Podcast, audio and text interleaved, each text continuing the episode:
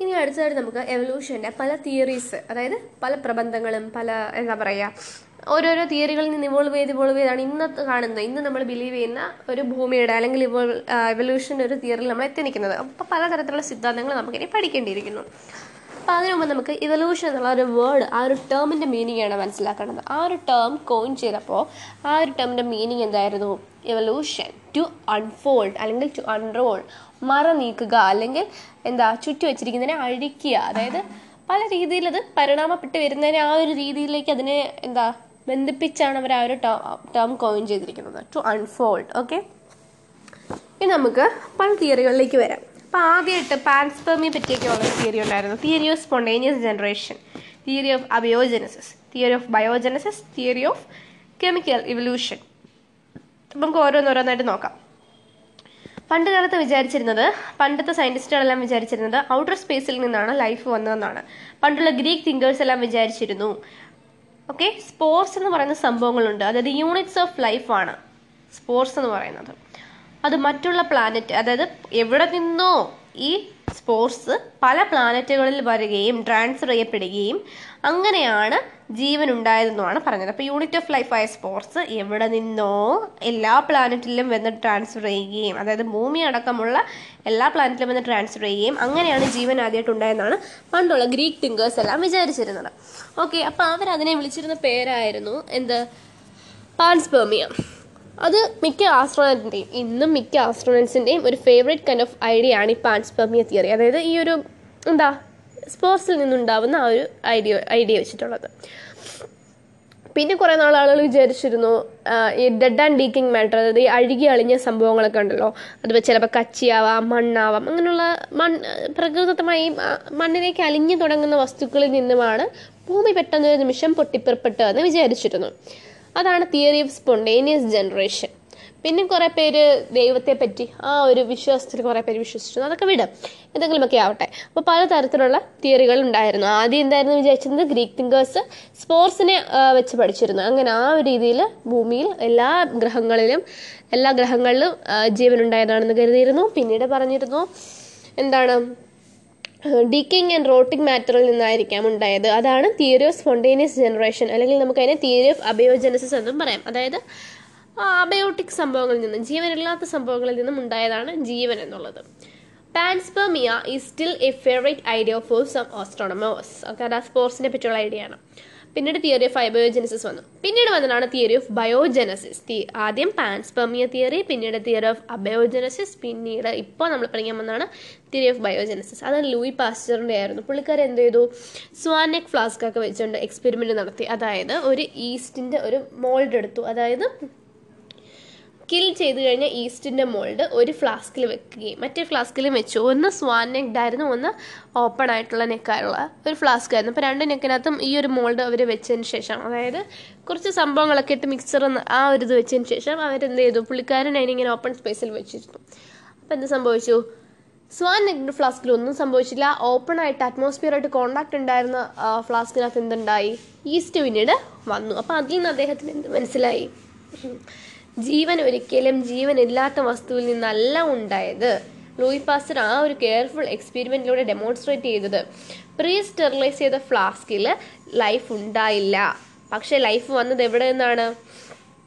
ഈസ്റ്റിനെ kill ചെയ്ത് ഈസ്റ്റിനെ വെച്ചിരുന്നത്. അതായത് എയറുമായിട്ട് കോണ്ടാക്റ്റ് ഉണ്ടായിരുന്ന അതിലാണ് ആദ്യമായിട്ട് ലിവിങ് ഓർഗാനിസം എറോസ് ചെയ്തതെന്ന് പുള്ളിക്കാരന്റെ എക്സ്പെരിമെന്റിൽ എറോസ് ചെയ്തതെന്ന് അല്ലെങ്കിൽ ഉണ്ടായെന്ന് മനസ്സിലായി. കിൽഡ് ഈസ്റ്റിൽ നിന്നാണ് അവ ഉണ്ടായെന്ന് മനസ്സിലായി. അപ്പം ആ ഒരു എക്സ്പെരിമെന്റിലൂടെ അദ്ദേഹം ഡെമോൺസ്ട്രേറ്റ് ചെയ്തതിലൂടെ എല്ലാവർക്കും മനസ്സിലായി. സ്പോണ്ടേനിയസ് ജനറേഷൻ തിയറി അല്ലെങ്കിൽ തിയറി ഓഫ് അബയോജനസിസ് എന്ന് പറയുന്നത് ഒരു പൊട്ട കഥയാണെന്ന് മനസ്സിലായി. And it was dismissed once and for all അന്നേക്കുമായി ആ കഥ ഡിസ്മിസ് ചെയ്യപ്പെടുകയും ചെയ്തു. പക്ഷേ എന്നിട്ടും ഒരു ഉറപ്പായിരുന്നില്ല. ഓക്കെ എന്നിട്ടും ആ ഒരു ഉറപ്പ് ഇതുവരെയും വന്നിരുന്നില്ല. അങ്ങനെ പിന്നീട് വന്ന തിയറിയാണ് തിയറി ഓഫ് കെമിക്കൽ ഇവല്യൂഷൻ ആ തിയറിയിൽ റഷ്യയിൽ നിന്നുള്ള ഒപ്പാരിൻ എന്ന സയന്റിസ്റ്റും ഇംഗ്ലണ്ടിൽ നിന്നുള്ള ഹാൽഡേൻ എന്നുള്ള സയന്റിസ്റ്റുമാണ് ഉണ്ടായിരുന്നത്. അപ്പോൾ ഈ സ്ഥലങ്ങൾ ചോദിക്കും എന്താണ്? റഷ്യയിൽ നിന്നുള്ള ഒപ്പാരിൻ ആർ ആർ റഷ്യ ഒപ്പാരിൻ ഇംഗ്ലണ്ടിൽ നിന്നുള്ള ഹാൽഡെയിൻ ഇൽഡിൽഡ് ഇംഗ്ലണ്ട് ഹാൽഡെയിൻ ഓക്കെ അവരെന്ത് ചെയ്തു? ഫസ്റ്റ് ഫോം ഓഫ് ലൈഫ് ഉണ്ടായത് pre existing non living organic മോളിക്യൂൾസിൽ നിന്നാണെന്ന് അദ്ദേഹം അവർ പറഞ്ഞു ആ രണ്ടുപേരും. എന്താ പറഞ്ഞത്?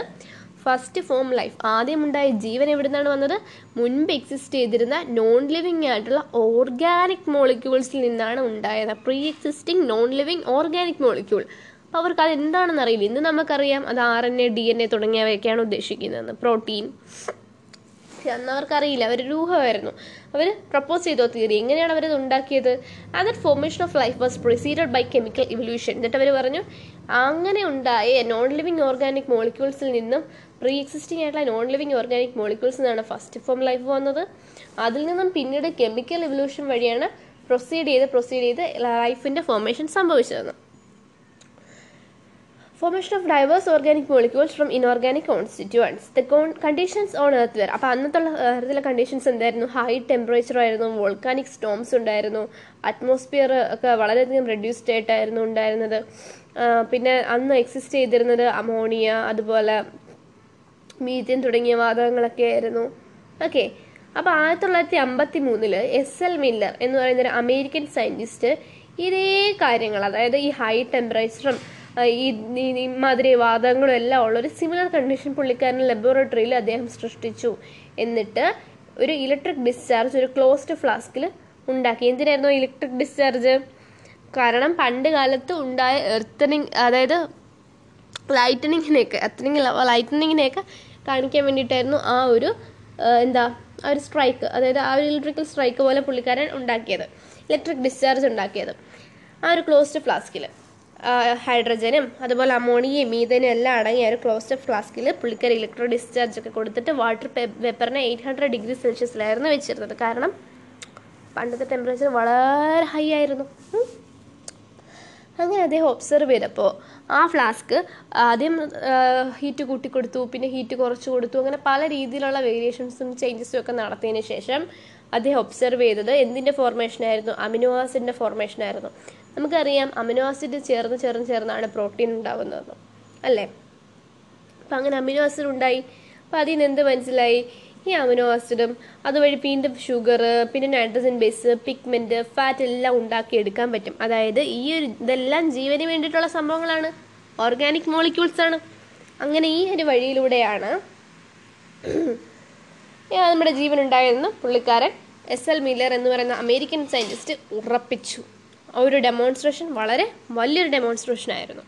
അങ്ങനെ ഈ പല പലരും അതുപോലെ ഓരോന്ന് ഇതേ എക്സ്പെരിമെന്റ് ഇതേ കണ്ടീഷൻസ് വെച്ച് ചെയ്ത് പല പല ഓർഗാനിക് മോളിക്യൂൾസ് ഉണ്ടാകുന്നതായിട്ട് കണ്ടുപിടിച്ചു. അങ്ങനെ അങ്ങനെ അങ്ങനെ ഈ എവിഡൻസ് ഒക്കെ കാരണം നമ്മുടെ നേരത്തെ ആ കെമിക്കൽ എവല്യൂഷൻ എന്ന് പറയുന്ന ആ ഒരു തിയറി അക്സെപ്റ്റ് ചെയ്യാൻ തുടങ്ങി. ആളുകൾക്ക് മനസ്സിലായി തുടങ്ങി. അങ്ങനെ തന്നെയാണ് സംഭവിച്ചതെന്ന് ആളുകൾ ബിലീവ് ചെയ്യാൻ തുടങ്ങി. Okay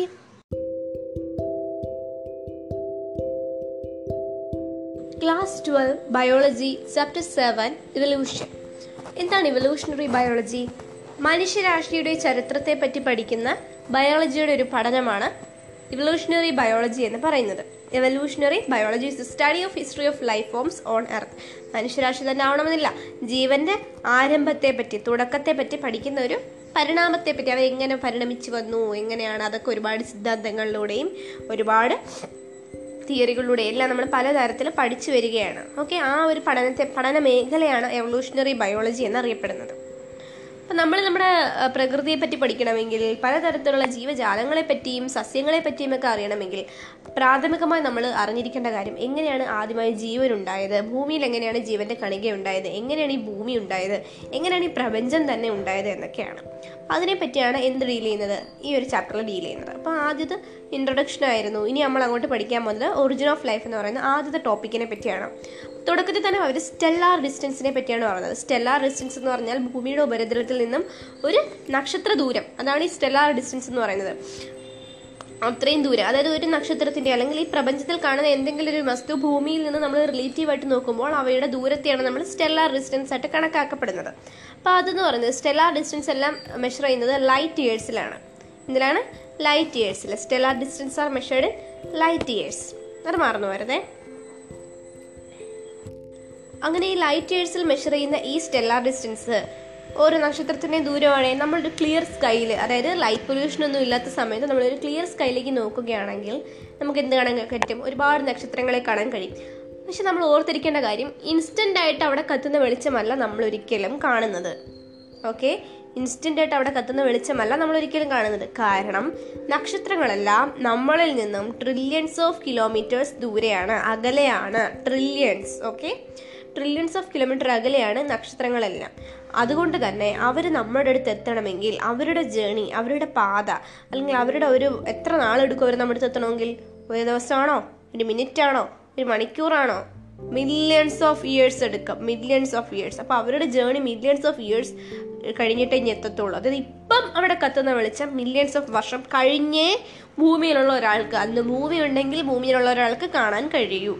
നമ്മളിപ്പോൾ കാണുന്ന വെളിച്ചം മില്യൺസ് ഓഫ് വർഷം മുൻപുള്ളതായിരുന്നു. ആ വെളിച്ചം അന്ന് പുറപ്പെട്ട വെളിച്ചമാണ് നമ്മൾ ഇന്ന് കാണുന്നത്.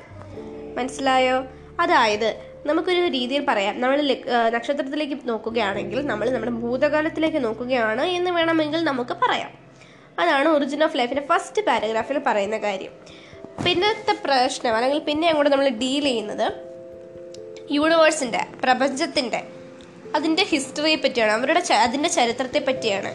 പ്രപഞ്ച ചരിത്രത്തിൽ തന്നെ ആദ്യമായി ജീവന്റെ ഉത്ഭവം സംഭവിച്ചത് ഒരു യുണീക്ക് ആയിട്ടുള്ള ഒരു വളരെ പ്രത്യേകതയേറിയ ഒരു ഇവന്റ് ആയിട്ടാണ് കൺസിഡർ ചെയ്യുന്നത്.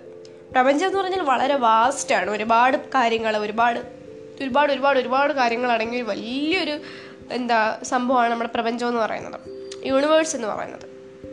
അതിനെ വെച്ച് നോക്കുകയാണെങ്കിൽ നമ്മുടെ ഭൂമി എന്ന് പറയുന്നത് ഒരു ചെറിയൊരു കുഞ്ഞി കുത്ത് പോലെയുള്ളൂ. ഒരുപാട് ഒരുപാട് ഒരുപാട് സംഭവങ്ങളുടെ ഇടയിൽ ഒരു കുഞ്ഞു സംഭവം. അത് മാത്രമാണ് എന്ത് ഭൂമി എന്ന് പറയുന്നത്.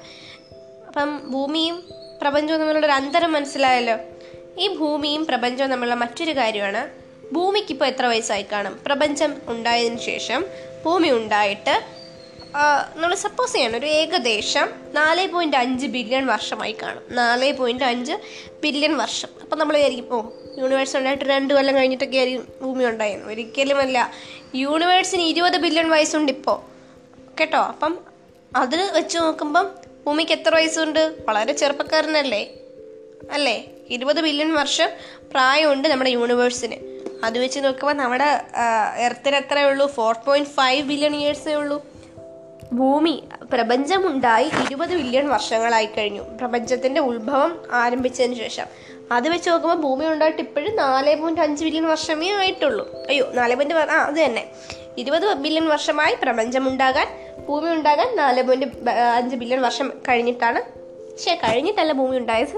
പക്ഷെ ഞാൻ എന്താ പറയുന്നത് ഭൂമിയുടെ വയസ്സ് നാല് പോയിന്റ് അഞ്ച് ബില്യൺ ഇയേഴ്സ് പ്രപഞ്ചത്തിന്റെ എത്ര? ഇരുപത് ബില്യൺ വർഷം. ഓക്കെ ഓക്കെ ഡീൽ കഴിഞ്ഞു. ഇനി എങ്ങനെയാണ് ഇതുണ്ടായത്? എന്തൊക്കെയാണ് നമ്മുടെ ഈ പ്രപഞ്ചത്തിൽ ഉള്ളത് എന്നൊക്കെയാണ്.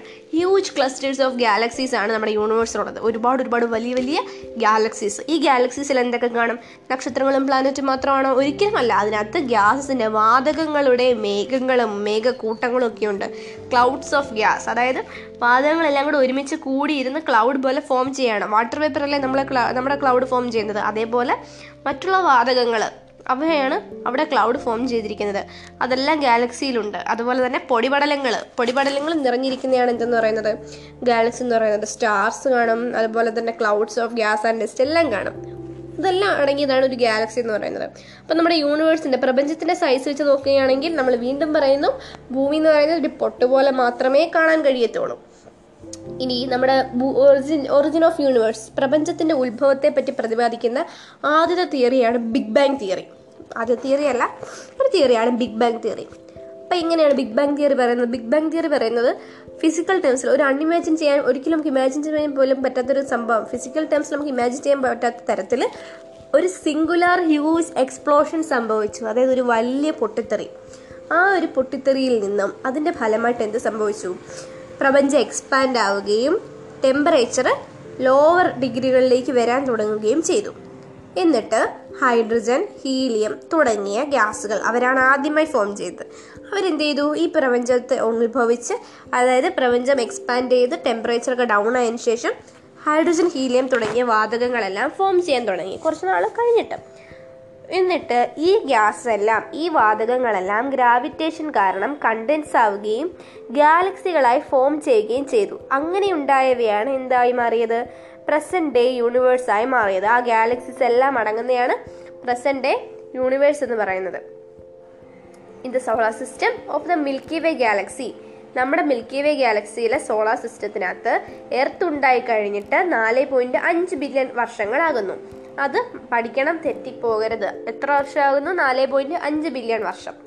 There was no atmosphere on earlier ആദ്യകാലത്തെ ഭൂമിയിൽ അറ്റ്മോസ്ഫിയർ ഉണ്ടായിരുന്നില്ല. അങ്ങനെ ഒരു കവചം ഒരിക്കലും പണ്ട് നമ്മുടെ ഭൂമിയിൽ ഉണ്ടായിരുന്നില്ല. പിന്നെ എന്തായിരുന്നു ഉണ്ടായിരുന്നത്? നമ്മുടെ ഭൂമിയിൽ നമ്മുടെ നാസയും അതുപോലെ തന്നെ നമ്മുടെ ഇസ്രോയും എല്ലാം ഐ എസ് ആർഒ എല്ലാം പോയി മറ്റ് ഓരോ യാത്രകൾ നടത്തി മറ്റ് ഗ്രഹങ്ങളിലേക്ക് ഫോട്ടോസൊക്കെ നമുക്ക് ഇങ്ങനെ കാണിച്ചു തരില്ലേ? അപ്പോൾ അതിനെ നമ്മൾ എന്താ കാണുന്നത്? ഇതുപോലെ പച്ചപ്പൊക്കെ നിറഞ്ഞൊരു സ്ഥലമാണോ? ഒരിക്കലുമല്ല. കുറേ കുന്തും കുഴിയും പ്രതലങ്ങളും ഒക്കെ ഉള്ള ഒരു ഒരു എങ്ങനത്തെയോ ഒരു ഒരു സംഭവമാണ് നമ്മൾ കാണുന്നത്. ഒരു പ്രത്യേകിച്ച് ഒരു ഭംഗിയേറിയ ഒരു സംഭവമൊന്നും അല്ലല്ലോ അതുപോലെയാണ് പണ്ട് ഭൂമിയും കിടന്നിരുന്നത്. അതെല്ലാം പല സംഭവങ്ങളായിരുന്നു ഭൂമിയിൽ നിന്ന് കാണപ്പെട്ടിരുന്നത്. ഇപ്പം എന്ത് സംഭവിച്ചു? അങ്ങനെ ഉണ്ടായിരുന്നു നമ്മുടെ ഭൂമിയിൽ അങ്ങനെ ഉണ്ടായിരുന്ന നമ്മുടെ ഭൂമിയിൽ നിന്നും ആ കവർ ചെയ്തിരുന്ന നമ്മുടെ സർഫസിനെ കവർ ചെയ്തിരുന്ന മോൾട്ടൻ മാസിൽ നിന്നും അതായത് ഉരുകി ഒലിച്ച ആ ഒരു മോൾട്ടൻ മാസിൽ നിന്നും വാട്ടർ വേപ്പറും മീതെയിനും കാർബൺ ഡയോക്സൈഡും അമോണിയും റിലീസ് ആവാൻ തുടങ്ങി. എന്തൊക്കെയാണ്? Water vapour methane carbon dioxide ammonia എവിടെ നിന്നാണ് റിലീസ് ആയത് ഭൂമിയെ കവർ ചെയ്തിരുന്ന ആ ഒരു മോൾട്ടൻ മാസിൽ നിന്ന്. അപ്പം അതെല്ലാം റിലീസാവാൻ തുടങ്ങി. ഇനി സൂര്യനിൽ നിന്നും വന്ന യു വി റേസ് സൂര്യനിൽ നിന്നും വന്ന അൾട്രാ വയലറ്റ് റേസ് വെള്ളത്തിനെ അങ്ങനെ ഉണ്ടായ വെള്ളത്തിനെ അതായത് വാട്ടർ പേപ്പറിലൊക്കെ ഇവിടെ ഉണ്ടായ വെള്ളത്തിനെ എന്ത് ചെയ്തു? സ്പ്ലിറ്റ് ചെയ്ത് ഹൈഡ്രജനും ഓക്സിജനും ആക്കി. എന്നിട്ട് അങ്ങനെ ഉണ്ടായ ലൈറ്റർ ഹൈഡ്രജൻ എസ്കേപ്പ് ആയി. ഓക്സിജൻ എന്ത് ചെയ്തു? അമോണിയമായിട്ട് കമ്പൈൻ ചെയ്തു. അതുപോലെ മീതേൻ എന്ത് ചെയ്തു? വെള്ളമായിട്ട് മാറി. അതായത് oxygen combined with ammonia and methane to form water carbon dioxide and others അപ്പോൾ അമോണിയയും അമോണിയയും ഓക്സിജനും മീതനും അങ്ങനെ പലതും പല വഴിക്ക് കമ്പൈൻ ചെയ്തിട്ട് വെള്ളവും കാർബൺ ഡയോക്സൈഡും തുടങ്ങിയും ഓരോ നമുക്ക് ഇന്ന് ജീവിക്കാൻ വേണ്ടി നമ്മളെ സഹായിക്കുന്ന പല സംഭവങ്ങളും അങ്ങനെയാണ് ഉണ്ടായത്.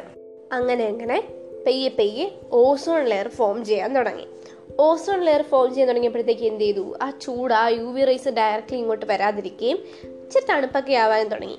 അങ്ങനെ കൂൾഡ് ആവാൻ തുടങ്ങിയപ്പോഴത്തേക്കും വാട്ടർ പേപ്പർ എന്ത് ചെയ്യാൻ തുടങ്ങി? അന്തരീക്ഷത്തിലെല്ലാം തിങ്ങി നിന്നിരുന്ന വാട്ടർ പേപ്പർ മഴയായിട്ട് പെയ്യാൻ തുടങ്ങി. അങ്ങനെ പെയ്ത മഴ ഞാൻ പറഞ്ഞല്ലോ നമ്മുടെ ഭൂമിക്ക് പ്രത്യേകിച്ച് ഷേപ്പൊന്നും ഇല്ലായിരുന്നു കുടിയൊക്കെ ഉണ്ടായിരുന്നു. മറ്റുള്ള ഗ്രഹങ്ങളെ പോലെ പണ്ട് നമ്മുടെ ഭൂമിക്കും അങ്ങനെ ഉണ്ടായിരുന്നു.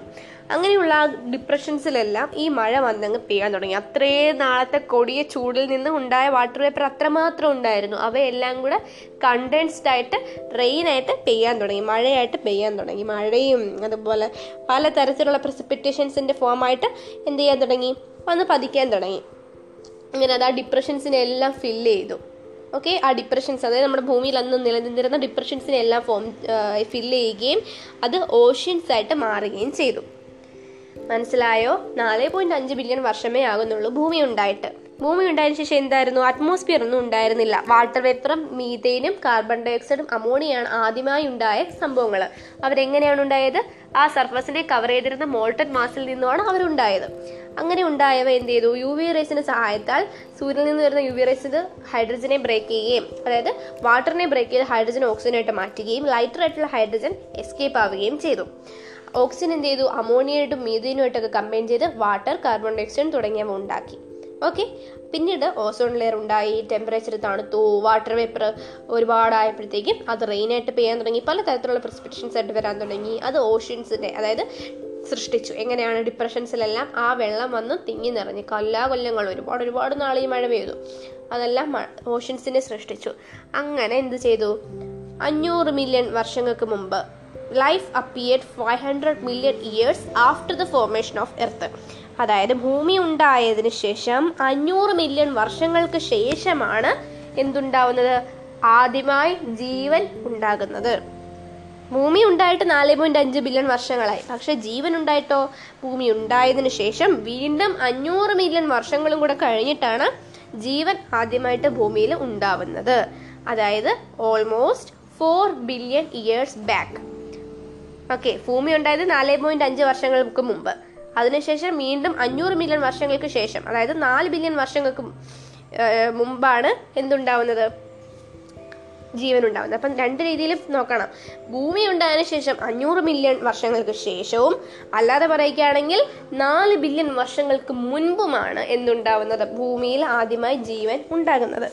എങ്ങനെയാണ് നാല് ബില്യൺ വർഷങ്ങൾക്ക് മുമ്പെന്ന് പറയുന്നത്? ആ നാല് പോയിന്റ് അഞ്ച് ബില്യൺ വർഷത്തിൽ നിന്നും ഒരു അഞ്ഞൂറ് മില്യൺ വർഷം കുറച്ചേ അപ്പം നമുക്ക് എന്ത് കിട്ടും? നാല് ബില്യൺ വർഷം കിട്ടും. ഞാൻ എന്തുകൊണ്ട് അഞ്ഞൂറ് മില്യൺ വർഷം കുറയ്ക്കാൻ പറഞ്ഞത്?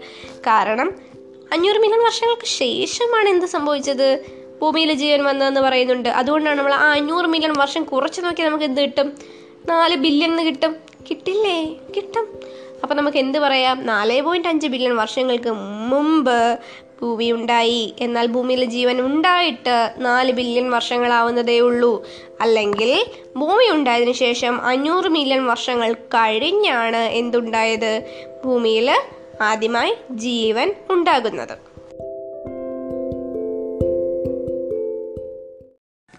ഹായ് ഗായ്സ് നമ്മൾ ബയോളജിയിലെ chapter twenty two chemical coordination and ഇന്റഗ്രേഷനാണ് പഠിക്കാൻ പോകുന്നത്. പ്ലസ് വൺ ബയോളജിയിൽ ഓക്കെ നമ്മളപ്പോൾ തുടക്കത്തിൽ തന്നെ നമ്മൾ ജസ്റ്റ് സംഭവം പറഞ്ഞു പറഞ്ഞു പോകാം. ന്യൂറോ സിസ്റ്റവും എൻഡോക്രൈൻ സിസ്റ്റവും ഒരുമിച്ചാണ് നമ്മുടെ ഫിസിയോളജിക്കൽ ഫങ്ഷൻസ് എല്ലാം ശരീരത്തിൽ ക്യാരി ഓൺ ചെയ്യുന്നത്. ഓക്കെ എന്തുകൊണ്ടായിരിക്കും അങ്ങനെ കാരണം? നമ്മുടെ point to point rapid coordination അതായത് ഓർഗൻസിന്റെ ഇടയിലെ point to point rapid coordination arc maintain ചെയ്യാൻ പറ്റും? ന്യൂറൽ സിസ്റ്റത്തിന് മെയിന്റെയിൻ ചെയ്യാൻ പറ്റും. പക്ഷേ അവരുടെ പ്രശ്നം എന്ന് വെച്ച് കഴിഞ്ഞാൽ അവർ വളരെ പെട്ടെന്നുള്ളവരായതുകൊണ്ട് തന്നെ ഭയങ്കര ഷോർട്ട് ലീവ്ഡാണ് അവർ ഇച്ചിരി നേരം നിൽക്കത്തുള്ളൂ ഫാസ്റ്റ് ആക്ഷൻ ആയിരിക്കും. പക്ഷേ ആ ഫാസ്റ്റ് ആക്ഷൻ കുറച്ച് നേരത്തേക്ക് കാണും. സോറി കിളികളാണ്. രാവിലത്തെ സമയം ഇങ്ങനെ കിളികളൊക്കെ ഉണ്ട്. ഷോർട്ട് ലീവ്ഡ് ആയിരിക്കും. തന്നെയുമല്ല അവർക്ക് നെർവ് ഫൈബേഴ്സിന് എന്ത് ചെയ്യാൻ പറ്റത്തില്ല. നമ്മുടെ ബോഡിയുടെ ഇടയിലുള്ള സെൽസിനും സില്ലർ ഫംഗ്ഷൻസിലും ഒന്നും കണ്ടിന്യൂസ് ആയിട്ട് റെഗുലേറ്റ് ചെയ്യാൻ അവർക്കിടയിലേക്ക് ഇറങ്ങി ചെല്ലാനും ഒന്നും സാധിക്കില്ല. അതുകൊണ്ട് തന്നെ നമുക്ക് special kind of coordination integration ഒക്കെ ആവശ്യമാണ്. അങ്ങനെ നമ്മൾ ഉണ്ടാക്കിയിട്ട് സംഭവമാണ്. അല്ലെങ്കിൽ അങ്ങനെ അതിനുവേണ്ടി സഹായിക്കുന്ന ഒരു സിസ്റ്റമാണ് എന്തെന്ന് പറയുന്നത് ഈ ഹോർമോൺസും കെമിക്കൽ കോർഡിനേഷൻ എന്നൊക്കെ പറയുന്നത്. അപ്പം അതെല്ലാം കൈകാര്യം ചെയ്യുന്ന എന്താണ്? എൻഡോക്രൈൻ സിസ്റ്റമാണ് എൻഡോക്രൈൻ സിസ്റ്റമാണ് ന്യൂറോ ന്യൂറോ സിസ്റ്റത്തിനോടൊപ്പം തന്നെ ചേർന്ന് നമ്മുടെ ഫിസിയോളജിക്കൽ ഫങ്ഷൻസ് കൈകാര്യം ചെയ്യുന്നത്. അതാണ് ഇൻട്രൊഡക്ഷൻ ഫോമിൽ പറയുന്നത്. പിന്നീട് അങ്ങോട്ട് ഇൻഡോക്രൈൻ ഗ്ലാൻസ് എന്തൊക്കെയാണ്? അവർ സെക്രീറ്റ് ചെയ്യുന്ന ഹോർമോൺസ് എന്തൊക്കെയാണെന്നാണ് പറയുന്നത്. ഇനി എന്താണ് ഹോർമോൺസ് എന്തൊക്കെ ഹോർമോൺസ് ആണ് സെക്രീറ്റ് ചെയ്യുന്നത്? ആരൊക്കെയാണ് സെക്രീറ്റ് ചെയ്യുന്നതിനൊക്കെ ഡീറ്റെയിൽ ആയിട്ട് പഠിക്കാൻ പോവുകയാണ്. അത് ട്വന്റി ടു പോയിന്റ് വൺ സെക്ഷനിലാണ് തുടങ്ങുന്നത്.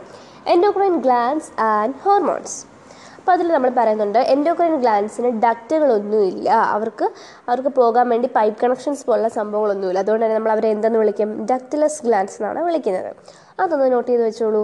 പിന്നീട് നമ്മൾ പറയുന്നത് ഹോർമോൺസിന്റെ ഒരു ഡെഫിനിഷനാണ് പണ്ട് നമ്മൾ പഠിച്ചിരുന്ന ഡെഫിനിഷൻ ഒരു ക്ലാസിക്കൽ ഡെഫിനിഷനായിട്ട് അറിയപ്പെടുന്നത് ഹോർമോൺസ് എന്നാൽ കെമിക്കൽസ് ആണ് ഉണ്ടാക്കുന്നത് എൻഡോക്രൈൻ ഗ്ലാൻസ് ആണ്. അവയെ നമ്മൾ നേരിട്ട് ബ്ലഡിലേക്ക് റിലീസ് ചെയ്യുന്നു. അവർ ഡിസ്റ്റന്റ് ആയിട്ട് ലൊക്കേറ്റ് ചെയ്തിരിക്കുന്ന ടാർജറ്റ് ഓർഗനിലേക്ക് ട്രാൻസ്പോർട്ട് ചെയ്യുകയും അങ്ങനെ ചെയ്യുകയും അവിടെ എന്താ മാറ്റം വരുത്തട്ടെന്ന് വെച്ചാൽ അത് ചെയ്യുകയും ചെയ്യുന്നു എന്നാണ് പറഞ്ഞിരുന്നത്. അപ്പോൾ എന്താണ്? എൻഡോക്രൈൻ ഗ്ലാൻസ് നേരിട്ട് ബ്ലഡിലേക്ക് റിലീസ് ചെയ്യുന്ന കുറച്ച് കെമിക്കൽ സംഭവങ്ങൾ. അവർ അവരുടെ ഡിസ്റ്റന്റ് ആയിട്ട് ലൊക്കേറ്റ് ചെയ്തിരിക്കുന്ന ടാർജറ്റ് ഓർഗനിലേക്ക് ബ്ലഡ് വഴി ട്രാൻസ്പോർട്ട് ചെയ്ത് പോകുന്നു. പക്ഷേ അതൊരു ക്ലാസിക്കൽ ഡെഫിനിഷനാണ് അത് ഔട്ട്ഡേറ്റഡ് ആയിപ്പോയി. അതല്ല നമ്മളിപ്പോൾ പറയുന്നത്.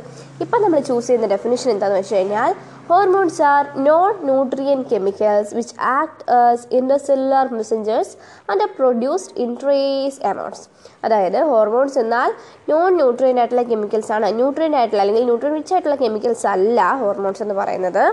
അതിന്റെ പ്രത്യേകത അവർ ഇൻട്രസെല്ലുലാർ മെസ്സഞ്ചേഴ്സ് ആയിട്ടാണ് ആക്ട് ചെയ്യുന്നത്. സെല്ലുകൾക്കിടയിലുള്ള മെസ്സഞ്ചേഴ്സ് ആയിട്ടാണ് ആക്ട് ചെയ്യുന്നത്. ആൻഡ് ആ പ്രൊഡ്യൂസ്ഡ് ഇൻ ട്രേസ് എമൗണ്ട് ഒരു ഇച്ചിരി ഇച്ചിരി മാത്രമേ അവരെ നമ്മൾ എന്ത് ചെയ്യത്തുള്ളൂ പ്രൊഡ്യൂസ് ചെയ്യത്തുള്ളൂ. Hormones are non nutrient chemicals which act as intercellular messengers and are produced in trace amounts അപ്പം ഇങ്ങനെ നമ്മളൊരു പുതിയ ഡെഫിഷൻ കൊണ്ട് കൊടുത്ത് കൊണ്ടുവന്നെങ്കിൽ മാത്രമേ ഒരുപാട് ഒരുപാട് ഒരുപാട് അറിയപ്പെടാതെ കിടക്കുന്ന ഹോർമോൺസിനെയും ഹോർമോൺസ് എന്ന നിലയിൽ നമുക്ക് കൺസിഡർ ചെയ്യാൻ പറ്റത്തുള്ളൂ. അല്ലെങ്കിൽ കുറച്ച് പേരെ മാത്രം ഒരു എലൈറ്റ് ക്ലാസ് ആയിട്ട് അവരെ മാത്രം നമ്മൾ ഹോർമോൺസ് എന്നുള്ള രീതിയിൽ നേരത്തെ ഡെഫിനിഷന്റെ അണ്ടറിൽ വരുന്നുള്ളായിരുന്നു. ഇങ്ങനത്തെ ഒരു ഡെഫിനിഷൻ അതായത് മോഡിഫിക്കേഷൻ കൊണ്ടുവന്നതോടുകൂടിയാണ് നമുക്ക് എല്ലാ ഹോർമോൺസിനെയും ഉൾക്കൊള്ളിക്കാൻ പറ്റിയത്. ഓക്കെ ഇനി നമുക്ക് ഹോർമോൺസിനെ പറ്റി പറയുമ്പം അതിനുള്ള ഗ്ലാൻഡുകളുണ്ടല്ലോ ഓരോ ഗ്ലാൻഡ്സ് ആയിരിക്കും ഹോർമോൺസ് എല്ലാം പ്രൊഡ്യൂസ് ചെയ്യുന്നത്. ഇതൊരു ഗുണ്ടാ സംഘമാണെന്ന് കരുതുക. ഓക്കെ വെട്ടാൻ പറഞ്ഞാൽ വെട്ടുന്നവൻ കുത്താൻ പറഞ്ഞാൽ കുത്തുന്നവൻ അങ്ങനെ പല പല ആൾക്കാരുണ്ട്. അപ്പോൾ ഇതിന്റെ എല്ലാം തലയാണ് തല.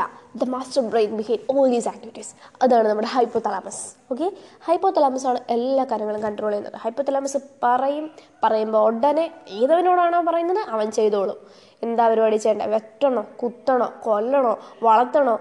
എന്താന്ന് വെച്ചാൽ പ്രൊട്ടക്ഷന് കൊടുക്കും അല്ലെങ്കിൽ അവരെ വളർത്താനും സഹായിക്കും അതുപോലെ അവരെ കൊല്ലാനും സഹായിക്കും. അതായത് ഗ്രോ ചെയ്യിക്കാനും അല്ലെങ്കിൽ സ്റ്റിമുലേറ്റ് ചെയ്യാനും ഇൻഹിബിറ്റ് ചെയ്യാനുമുള്ള ഇൻസ്ട്രക്ഷൻസ് എല്ലാം കൊടുക്കുന്ന ആളാണ് നമ്മുടെ ഹൈപ്പോ തലാമസ് എന്ന് പറയുന്നത്. ഹൈപ്പോ തലാമസ് പേര് പോലെ തന്നെ തലയാണ് മാസാണ്. ഓക്കെ നമുക്ക് കാര്യത്തിലേക്ക് കിടക്കാം. അപ്പോൾ രണ്ട് തരത്തിലുള്ള എൻഡോക്രൈൻ ബോഡീസാണ് നമ്മുടെ ഇതിനകത്തുള്ളത്. ഒന്നെന്ന് വെച്ച് കഴിഞ്ഞാൽ ഓർഗനൈസ്ഡ് എൻഡോക്രൈൻ ബോഡീസ് ഓർഗനൈസ്ഡ് ആയിട്ടുള്ള എൻഡോക്രൈൻ ബോഡീസും അല്ലാതെ നമ്മൾ സൈഡിലൂടെ പറഞ്ഞു പോകേണ്ട കുറച്ച് എൻഡോക്രൈൻ ഗ്ലാൻസും ഹോർമോൺസിനെ പ്രൊഡ്യൂസ് ചെയ്യുന്ന വേറെ വേറെ മെയിൻ ഫങ്ഷനുള്ള ഗ്ലാൻഡ് ഈ ഓർഗനൈസ്ഡ് എൻഡോക്രൈൻ ബോഡീസിന്റെ പ്രധാന ഫങ്ഷൻ തന്നെ ഈ പരിപാടി തന്നെയാണ്. ഹോർമോൺസിനെ ഉണ്ടാക്കുക എന്നുള്ളതാണ്. അതായത് നമുക്ക് വേറൊരു രീതി പറയുകയാണെങ്കിൽ പഠിച്ചിറങ്ങിയ അസൽ ഗുണ്ടകൾ അവരുടെ ഫുൾ ടൈം ഗുണ്ടകളായിരിക്കും. പക്ഷേ ബാക്കിയുള്ളവന്മാരോ സൈഡ് ബിസിനസ് വേറെ എന്തെങ്കിലും കാണും പക്ഷേ നമ്മുടെ തലവൻ വിളിച്ചു കഴിഞ്ഞാൽ ആ പണി ചെയ്യുകയും ചെയ്യും. അല്ലെങ്കിൽ അല്ലാതെ സൈഡിലൂടെ വെട്ടുകുത്തൊക്കെ ചെയ്യുകയും ചെയ്യും. അതുപോലെയാണ് ഇവരുടെയും കാര്യം. ഓർഗനൈസ്ഡ് എൻഡോക്രൈൻ ബോഡീസും ആയിരിക്കും ഉള്ളവരാണ് മെയിനായിട്ടുള്ളത് അല്ലാതെ ചെറിയ ചെറിയ കാര്യങ്ങൾ ചെയ്യുന്നവരുണ്ട്. അപ്പോൾ ഓർഗനൈസ്ഡ് എൻഡോക്രൈൻ ബോഡീസ് ആരൊക്കെയാണ്? Pituitary gland pineal gland thyroid അതിൽ തന്നെ പാരത്തൈറോയിഡ് നമുക്ക് ഉൾപ്പെടുത്താം. തൈമസ് ആൻഡ് ഗൊണാഡ്സ് ഓക്കെ അപ്പോൾ ഇങ്ങനെയുള്ളവരാണ്. ഗൊണാഡ്സ് എന്ന് പറയുമ്പോൾ നമുക്ക് അറിയാമല്ലോ തൈമസിനോടൊപ്പം തന്നെ പാൻക്രിയാസ് ഒക്കെ ഉണ്ട് കേട്ടോ. Pancreas parathyroid thymus and gonads അതായത് പിറ്റ്യൂട്ടറി ഗ്ലാൻഡ് നമ്മുടെ ആ ഫിഗർ നോക്കിക്കേ. എൻ സി ടി ടെക്സ്റ്റ് എടുത്തിട്ട് പേജ് നമ്പർ ത്രീ തേർട്ടി ടൂവിൽ ഫിഗർ ട്വന്റി ടു പോയിന്റ് വണ്ണിൽ എല്ലാ ഫിഗറും കൊടുത്തിട്ടുണ്ട്. നേരെ മുകളിലായിട്ട് നമുക്ക് പീനിയൽ ഗ്ലാൻഡ് കാണാം. ഹൈപ്പോത്തലാമസ് ഉണ്ട്. അതിന്റെ തൊട്ടിപ്പുറത്തായിട്ടൊരു മൈക്ക് പോലെ. ഹൈപ്പോത്തലാമസിന്റെ അടുത്തേക്ക് ഇരിക്കുന്ന ഒരു മൈക്ക് പോലെ ആരുണ്ട്? പീനിയൽ ഗ്ലാൻഡ് ഉണ്ട്. അതിന് തൊട്ട് താഴെ ഒരു കമ്പും കഷ്ണം പോലെ എന്തുണ്ട്? പിറ്റ്യൂട്ടറി ഉണ്ട്. പിന്നെ അങ്ങോട്ട് ഇതാ നമ്മൾ നോക്കുമ്പോൾ ഒരു ഡമ്പൽ പോലത്തെ സാധനം. പക്ഷേ വേറെ എന്തോ ഒരു വൃത്തിയോട്ട ഷേപ്പാണ് അതിന്റെ ടോപ്പിൽ തൈറോയിഡ് ആൻഡ് പാരാതൈറോയിഡ് ഉണ്ട്. തൈറോയിഡും പാരാതൈറോയിഡും ഉണ്ട്. താഴെയായിട്ട് തൈമസും ഉണ്ട്. അപ്പോൾ ടോപ്പിൽ പാരാതൈറോയിഡും തൈറോയിഡും താഴെയായിട്ട് ആര്? തൈമസും ഉണ്ട്. ആ ഒരു ഡമ്പലിന്റെ രണ്ടറ്റമാണേ പിന്നെ അവിടുന്ന് നേരെ താഴേക്ക് പോകുമ്പോൾ ഒരു ഉണങ്ങിയ ഇലയാണോ? അതോ വേറെ എന്തെങ്കിലും വൃത്തിയുടെ സാധനമാണോ? അങ്ങനെ ഒരു ഷേപ്പിൽ എന്തുണ്ട്? പാൻക്രിയസ് ഉണ്ട്. അതിന് എന്ത് ഷേപ്പ് കൊടുക്കാന്ന് പറഞ്ഞാൽ എല്ലാവരും ഒരു ലീഫി സ്ട്രക്ചർ എന്നൊക്കെയാണ് പറയുന്നത്. സോ യാ ലീഫി സ്ട്രക്ചറിലുള്ള പാൻക്രിയസ് അവിടെ ഇരിപ്പുണ്ട്. പിന്നെ രണ്ട്. അതായത് ഈ ബോക്സേഴ്സിന്റെയൊക്കെ ഗ്ലൗസ് പോലെയുള്ളൊരു സംഭവം ഉണ്ടല്ലോ. കിഡ്നി എന്ന് തോന്നുന്നു. ഓക്കെ അതിന്റെ തൊട്ട് പിറകിലായിട്ട് എന്തുണ്ട്? അഡ്രിനൽ ഗ്ലാൻഡ് ഉണ്ട്. ഓക്കെ അഡ്രിനൽ ഗ്ലാൻഡുകളുണ്ട് പിന്നെ താഴെ ഗൊണാട്സ് ഉണ്ട്. ഗൊണാട്സ് എന്ന് പറയുമ്പോൾ ഫീമെയിൽ ലോവറിയും മെയിലിൽ ടെസ്റ്റിസും ആണ്. അത് തിരിഞ്ഞു വരുതേ അപ്പം ഇത്രയാണ് നമ്മുടെ മെയിൻ ഓർഗനൈസ്ഡ് ആയിട്ടുള്ള എൻഡോക്രൈൻ ബോഡീസ് അല്ലാതെ ഓർഗനൈസ്ഡ് ആയിട്ടുള്ള ഇൻ അഡീഷൻ ടു ദോസ് അതായത് ഈ ഓർഗനൈസ് എൻഡോക്രൈൻ ബോഡീസിന് അഡീഷണൽ ആയിട്ട് നമ്മൾ വേറെ എന്തൊക്കെ നമുക്ക് പറയാം? ഗ്യാസ്ട്രോ ഇൻഡസ്ട്രിയൽ ട്രാക്ട് പറയാം ലിവർ പറയാം കിഡ്നി പറയാം ഹാർട്ട് പറയാം ഇവരെല്ലാം ഹോർമോൺ പ്രൊഡ്യൂസ് ചെയ്യുന്നുണ്ട്. പക്ഷേ ഇവരാരും ഓർഗനൈസ്ഡ് എൻഡോക്രൈൻ ബോഡീസ് അല്ല. അതായത് മെയിൻ ഫംഗ്ഷൻ എൻഡോക്രൈൻ അതായത് ഗ്ലാൻഡ് ഉണ്ടാക്കുക അല്ലെങ്കിൽ ഹോർമോൺ റിലീസ് ചെയ്യുക എന്നുള്ളതല്ല ഇവരുടെ ഒന്നും പരിപാടി. ഇതൊക്കെ സൈഡിലൂടെയാണ് ഇവരുടെ ജോലി എന്ന് പറയുന്നത്. അപ്പം മെയിനായിട്ട് നമ്മൾ ഇത്രയും പേരെയാണ് പറയുന്നത്. ഓർഗനൈസ്ഡ് എൻഡോക്രൈൻ ബോഡി എന്ന് പറയുന്നത് ഇത്രയും പേരെയാണ്. ഓക്കെ പിന്നെ നമ്മൾ നോക്കുകയാണെങ്കിൽ ഇതിന്റെ എല്ലാം തലവനാരാണ്? ഹൈപ്പോതലാമസ് ഇത്രയും പറഞ്ഞു. അതാണ് ട്വന്റി ടു പോയിന്റ് ടൂവിൽ പറയുന്നത്. ഈ twenty two point two point വണ്ണിലുള്ളത് hypothalamus ആണ്. നമ്മളിനി ഓരോരുത്തരും ഓരോരുത്തരായിട്ട് പറഞ്ഞു പോവാണ്. ആദ്യം തന്നെ നമുക്ക് തലവനിൽ നിന്ന് തന്നെ തുടങ്ങാം. ഹൈപ്പോതലാമസ് ഹൈപ്പോതലാമസ് എവിടെയാണ്? സിറ്റുവേറ്റ് ചെയ്തിരിക്കുന്നത്. Basal part of diencephalon forebrain four ബ്രെയിന്റെ അല്ലെങ്കിൽ ഡൈൻസെഫലന്റെ ബേസൽ പാർട്ടിലായിട്ടാണ് ആരിയിരിക്കുന്നത് ഹൈപ്പോതലാമസ് സിറ്റുവേറ്റ് ചെയ്തിരിക്കുന്നത്. അപ്പോൾ നോക്കിയേ ഫോർ ബ്രെയിന്റെ ബേസൽ പാർട്ടിലായിട്ടാണ് ആരിയിരിക്കുന്നത് ഹൈപ്പോതലാമസ് ഇരിക്കുന്നത്. അപ്പോൾ അതിന്റെ ഒരു ചോട്ടിലൊക്കെ ആയിട്ട് വളരെ ഒരു ഹിഡൻ ആയിട്ടുള്ള ഒരു സ്പോട്ടിലാണ് നമ്മുടെ തലവൻ ഇരിക്കുന്നത്. പെട്ടെന്നൊന്നും പോലീസൊന്നും പൊക്കരുതല്ലോ. Okay and regulates a wide spectrum of body function നമ്മുടെ ബോഡി ഫംഗ്ഷനിൽ ഒരുപാട് കാര്യങ്ങൾ കൺട്രോൾ ചെയ്യുകയും റെഗുലേറ്റ് ചെയ്യുകയും ഒക്കെ ചെയ്യുന്നത് ആരാണ്? നമ്മുടെ ഹൈപ്പോതലാമസ് ആണ്. അപ്പോൾ ഈ ഹൈപ്പോതലാമസത്തിന് ഹൈപ്പോതലാമസിൽ ഒരുപാട് ന്യൂറോ സെക്രട്ടറി സെൽസ് ഉണ്ട്. എന്തുണ്ട്? Neurosecretory cell. ഇങ്ങനെ ന്യൂറോ സെക്രട്ടറി സെല്ലേ ന്യൂറോ സെക്രട്ടറി സെല്ലേ എന്നിങ്ങനെ നീട്ടി വിളിക്കാൻ പറ്റാത്തതിനാൽ അവന്മാർക്ക് നമ്മളൊരു കുഞ്ഞു പേരിട്ടിട്ടുണ്ട് ന്യൂക്ലിയ. ഓക്കെ. ന്യൂക്ലിയ എന്ന് വിളിക്കും. ന്യൂറോ സെക്രട്ടറി സെല്ലിന്റെ പേരാണ് ന്യൂക്ലിയ. അവരാണ് ഹോർമോൺസിനെല്ലാം പ്രൊഡ്യൂസ് ചെയ്യുന്നത്. അപ്പോൾ എന്താണ്? ഹൈപ്പോതലാമസിനകത്ത് ഒരുപാട് ന്യൂറോ സെക്രട്ടറി സെൽസ് ഉണ്ട്. ആ ന്യൂറോ സെക്രട്ടറി സെൽസിന്റെ പേരാണ് ന്യൂക്ലിയ. ഇനി ഈ ഹോർമോൺസ് ഹൈപ്പോതലാമസ് പ്രൊഡ്യൂസ് ചെയ്യുമല്ലോ? അങ്ങനെ പ്രൊഡ്യൂസ് ചെയ്യുന്ന ഹോർമോൺസ് രണ്ട് ടൈപ്പാണ് റിലീസിങ് ഹോർമോണും ഇൻഹിബിറ്റിംഗ് ഹോർമോണും അതായത് നമ്മുടെ തലവൻ രണ്ട് തരത്തിലുള്ള ഇൻസ്ട്രക്ഷൻസ് ആണ് കൊടുക്കുന്നത്. വെട്ടണോ വളർത്തണോ കൊല്ലണോ ജീവിപ്പിക്കണോ? അപ്പം അതുപോലെയാണ് റിലീസിങ് ഹോർമോണും ഇൻഹിബിറ്റിംഗ് ഹോർമോണും അതായത് ഒരു കാര്യം റിലീസ് ചെയ്യാൻ പറഞ്ഞാൽ ഒരു ഗ്ലാന്റിനോട് പറയുക ഓക്കെ നീ നിന്റെ ഇത് ഹോർമോൺ റിലീസ് ചെയ്തു എന്ന് പറഞ്ഞാൽ റിലീസ് ചെയ്യും. ഇൻഹിബിറ്റ് ചെയ്തു എന്ന് പറഞ്ഞാൽ ആ റിലീസ് ചെയ്തുകൊണ്ടിരിക്കുന്ന ഹോർമോണിന്റെ റിലീസിങ് അവിടെ നിർത്തും. ഓക്കെ ഇൻഹിബിറ്റ് ചെയ്യപ്പെടും. അപ്പോൾ അങ്ങനെ രണ്ട് കാര്യങ്ങളാണ് ആര് കൊടുക്കുന്നത്? ആര് ഇൻസ്ട്രക്ഷൻ കൊടുക്കുന്നത്? ഹൈപ്പോതലാമസ് ഇൻസ്ട്രക്ഷൻ കൊടുക്കുന്നത്. അപ്പോൾ അങ്ങനെ രണ്ട് തരത്തിലുള്ള ഹോർമോൺസുമാണ് ഹൈപ്പോതലാമസിലുള്ളത് ഇനി ഹൈപ്പോതലാമിക് ഹോർമോൺ ഫോർ എക്സാമ്പിൾ നമ്മളൊരു ഉദാഹരണമായിട്ട് നമ്മൾ പറയുന്നത് എന്താണ്? ഹൈപ്പോതലാമസിലെ റിലീസിംഗ് ഹോർമോൺ ഉദാഹരണമായിട്ട് നമ്മൾ പറയുന്നത് ജി എൻ ആർ എച്ച് ആണ്. ഗൊണാഡോട്രോപ്പിൻ റിലീസിംഗ് ഹോർമോണാണ് നമ്മളിവിടെ എക്സാമ്പിളായിട്ട് പറയുന്നത്. അപ്പോൾ അവനോട് നമ്മൾ ഇൻസ്ട്രക്ഷൻ കൊടുക്കുകയാണ് റിലീസ് ചെയ്തോളൂ എന്ന് പറഞ്ഞു കഴിഞ്ഞാൽ അവൻ എന്ത് ചെയ്യും? പിറ്റ്യൂട്ടറി സ്റ്റിമുലേസ് ചെയ്തിട്ട് എന്ത് ചെയ്യും? Gonadotropin releasing hormone pituitary stimulate ചെയ്യുന്നു. അതുപോലെ ഗൊണാഡോട്രോപ്പിനെ റിലീസ് ചെയ്യുകയും ചെയ്യുന്നു. ഇനി അതേസമയം ഇൻഹിബിറ്റിംഗ് ഹോർമോൺ ആണെങ്കിലോ അതിന് ഉദാഹരണം സൊമാറ്റോസ്റ്റാറ്റിൻ ആണ്. സൊമാറ്റോസ്റ്റാറ്റിൻ എന്നാൽ ഗ്രോത്ത് ഹോർമോൺ ആണ്. സൊമാറ്റോസ്റ്റാറ്റിൻ ഇൻഹിബിറ്റ് അല്ലെങ്കിൽ സൊമാറ്റോസ്റ്റാറ്റിൻ ആണ് പുള്ളിക്കാരനെ നമ്മൾ റിലീസ് ചെയ്ത് കഴിഞ്ഞാൽ അവൻ എന്ത് ചെയ്യും? ഹൈപ്പോത്തലാമസിൽ നിന്ന് പോയിട്ട് അവനാണെങ്കിൽ ഗ്രോത്ത് ഹോർമോണിന്റെ റിലീസിനെ ഇൻഹിബിറ്റ് ചെയ്യും. കേട്ടോ? അപ്പോൾ ഹൈപ്പോത്തലാമസിൽ സ്റ്റൊമാറ്റോ സൊമാറ്റോ സൊമാറ്റോ ആട്ടോ സൊമാറ്റോ സൊമാറ്റോ സ്റ്റാറ്റിനെ നമ്മൾ റിലീസ് ചെയ്യുകയാണെങ്കിൽ അവ എന്ത് ചെയ്യുന്നു? ഗ്രോത്ത് ഹോർമോണിന്റെ റിലീസിനെ ഇൻഹിബിറ്റ് ചെയ്യുന്നു. ഇതൊക്കെ ആരാണ്? നമ്മുടെ തലയുടെ ആൾക്കാരാണ് സൊമാറ്റോസ്റ്റാറ്റിനും അതുപോലെ ഗൊണാഡോട്രോപ്പിൻ റിലീസിങ് ഹോർമോണും എല്ലാം. ഇവരൊന്നെങ്കിൽ gonadotropin releasing hormone releasing hormone എക്സാമ്പിളാണ് സൊമാറ്റോസ്റ്റാറ്റിൻ ഇൻഹിബിറ്റിംഗ് ഹോർമോണിന്റെ എക്സാമ്പിളാണ് നമ്മൾ കൂടുതലായിട്ട് നോക്കുകയാണെങ്കിൽ ഹൈപ്പോതലാമസ് പിറ്റ്യൂട്ടറി എങ്ങനെയാണ് കൺട്രോൾ ചെയ്യുന്നതെന്നാണ്. ആന്റീരിയർ പിറ്റ്യൂട്ടറിയും പോസ്റ്റീരിയർ പിറ്റ്യൂട്ടറി ഉണ്ടെന്നറിയാമല്ലോ ആന്റീരിയർ പിറ്റ്യൂട്ടറിയെ കൺട്രോൾ ചെയ്യുന്നതിന് വേണ്ടി പോർട്ടൽ സർക്കുലേറ്ററി സിസ്റ്റം ഉണ്ട്. പോർട്ടൽ സർക്കുലേറ്ററി സിസ്റ്റം വഴിയാണ് ആന്റീരിയർ പിറ്റ്യൂട്ടറിയെ കൺട്രോൾ ചെയ്യുന്നത്. എന്നാൽ പോസ്റ്റീരിയർ പിറ്റ്യൂട്ടറി എടുത്ത് അങ്ങനെ ഒരു സർക്കുലേറ്ററി സിസ്റ്റത്തിന് ഒന്നും ആവശ്യമില്ല. ഹൈപ്പോതലാമസ് ഡയറക്റ്റ് ആയിട്ട് പോസ്റ്റീരിയർ പിറ്റ്യൂട്ടറിയെ കൺട്രോൾ ചെയ്യുന്നുണ്ട്. ഓക്കെ പോസ്റ്റീരിയർ എന്ന് പറഞ്ഞാൽ എന്താണ്? പോസ്റ്റീരിയർ പിറ്റ്യൂട്ടറി എന്ന് പറഞ്ഞാൽ പിന്നിലുള്ള പിറ്റ്യൂട്ടറിയുടെ പിന്നിലുള്ള ഭാഗം. അപ്പം പിന്നിലുള്ള ഭാഗം പിന്നീന്നൊക്കെ കുത്തിയാലോ? ഗുണത്തലവന്മാരല്ലേ പിന്നീന്ന് ചതിക്കും. ബാഹുബലിയെ കട്ടപ്പം പിന്നീന്ന് കുത്തിയാണൊക്കെ. അപ്പം നമ്മൾ എന്ത് ചെയ്യണം? ഒരു ഡയറക്റ്റ് കൺട്രോൾ എപ്പോഴും അവിടെ വെച്ചേക്കണം. എങ്കിൽ മാത്രമേ നമുക്ക് എന്ത് ചെയ്യാൻ പറ്റത്തുള്ളൂ? എന്തെങ്കിലും ചതി എങ്ങാണം പിന്നീന്ന് വരുന്നുണ്ടെങ്കിൽ അറിയാൻ പറ്റത്തുള്ളൂ. അതുകൊണ്ട് അങ്ങോട്ട് പോർട്ടൽ സർക്കുലേറ്ററി സിസ്റ്റം ഒന്നുമില്ല ഡയറക്റ്റ് കൺട്രോളാണ് ഹൈപ്പോത്തലാമസിനുള്ളത് എന്നാൽ ആന്റീരിയർ പിറ്റ്യൂട്ടറിയിലേക്ക് എന്തെങ്കിലും ഹോർമോണിനെ അങ്ങോട്ട് അയക്കണമെങ്കിലോ? എന്തെങ്കിലും സ്റ്റിമുലേറ്റ് ചെയ്യണമെന്ന് പോയി പറയണമെങ്കിലോ ഒക്കെ അതിന് വേണ്ടിയിട്ട് പോർട്ടൽ സർക്കുലേറ്ററി സിസ്റ്റം ഉണ്ട് മുന്നിലോട്ടുള്ള കാര്യങ്ങൾ പറയാം. പക്ഷേ പിന്നിലോട്ടുള്ള കാര്യങ്ങൾക്കെല്ലാം ഡയറക്റ്റ് കൺട്രോളാണ് ഉള്ളത് ഓക്കെ അത്രയാണ് ഹൈപ്പോതലാമസിനെ പറ്റി പറയാനുള്ളത്. ഇനി അടുത്ത പിറ്റ്യൂട്ടറി ഗ്ലാൻഡിനെ പറ്റിയാണ്. എന്താണ് പിറ്റ്യൂട്ടറി ഗ്ലാൻഡ് അല്ലെങ്കിൽ എവിടെയാണ് പിറ്റ്യൂട്ടറി ഗ്ലാൻഡ് ലൊക്കേറ്റ് ചെയ്തിരിക്കുന്നത്? പുള്ളിക്കാരെ ലൊക്കേറ്റ് ചെയ്തിരിക്കുന്നത് ഒരു ബോണി ക്യാവിറ്റിയിലാണ് ഓക്കെ ഒരു ബോൺ കൊണ്ടുണ്ടാക്കിയ ഒരു ക്യാവിറ്റിയാണ് ആ ക്യാവിറ്റിയുടെ പേരാണ് സെല്ല ടൂർസിക്ക അല്ലെങ്കിൽ ടർസിക്ക എന്ന് പറയാം. സെല്ല ടർസിക്ക ഓക്കെ അപ്പോൾ നമ്മൾ ഫിഗർ നോക്കിക്കേ figure twenty point two page number three three ത്രീയിലുള്ളത് figure twenty point ടുവിന്റെ ആ ഒരു എന്താണ് ഇതിനകത്ത് കൊടുത്തിരിക്കുന്നത്? Diagrammatic representation of pituitary and its relationship with hypothalamus നമ്മൾ ഈ ഡയഗ്രങ്ങൾ നന്നായിട്ട് പഠിച്ചാൽ മാത്രം പോരാ. ഈ ഡയഗ്രത്തിൽ എന്താണ് കൊടുത്തിരിക്കുന്നതെന്ന് പറഞ്ഞ് ഇൻസെറ്റിന്റെ തൊട്ട് താഴെ ഫിഗർ ട്വന്റി പോയിന്റ് ടു എന്താണെന്ന് വെച്ചാൽ ഇങ്ങനെ കൊടുത്തേക്കും. ഒരു ഡിസ്ക്രിപ്ഷൻ കൊടുത്തേക്കും. ആ ഡിസ്ക്രിപ്ഷൻ പഠിച്ചോണം. കാരണം നീറ്റിൽ ഒരുപാട് വട്ടം ചോദിച്ചിട്ടുണ്ട്.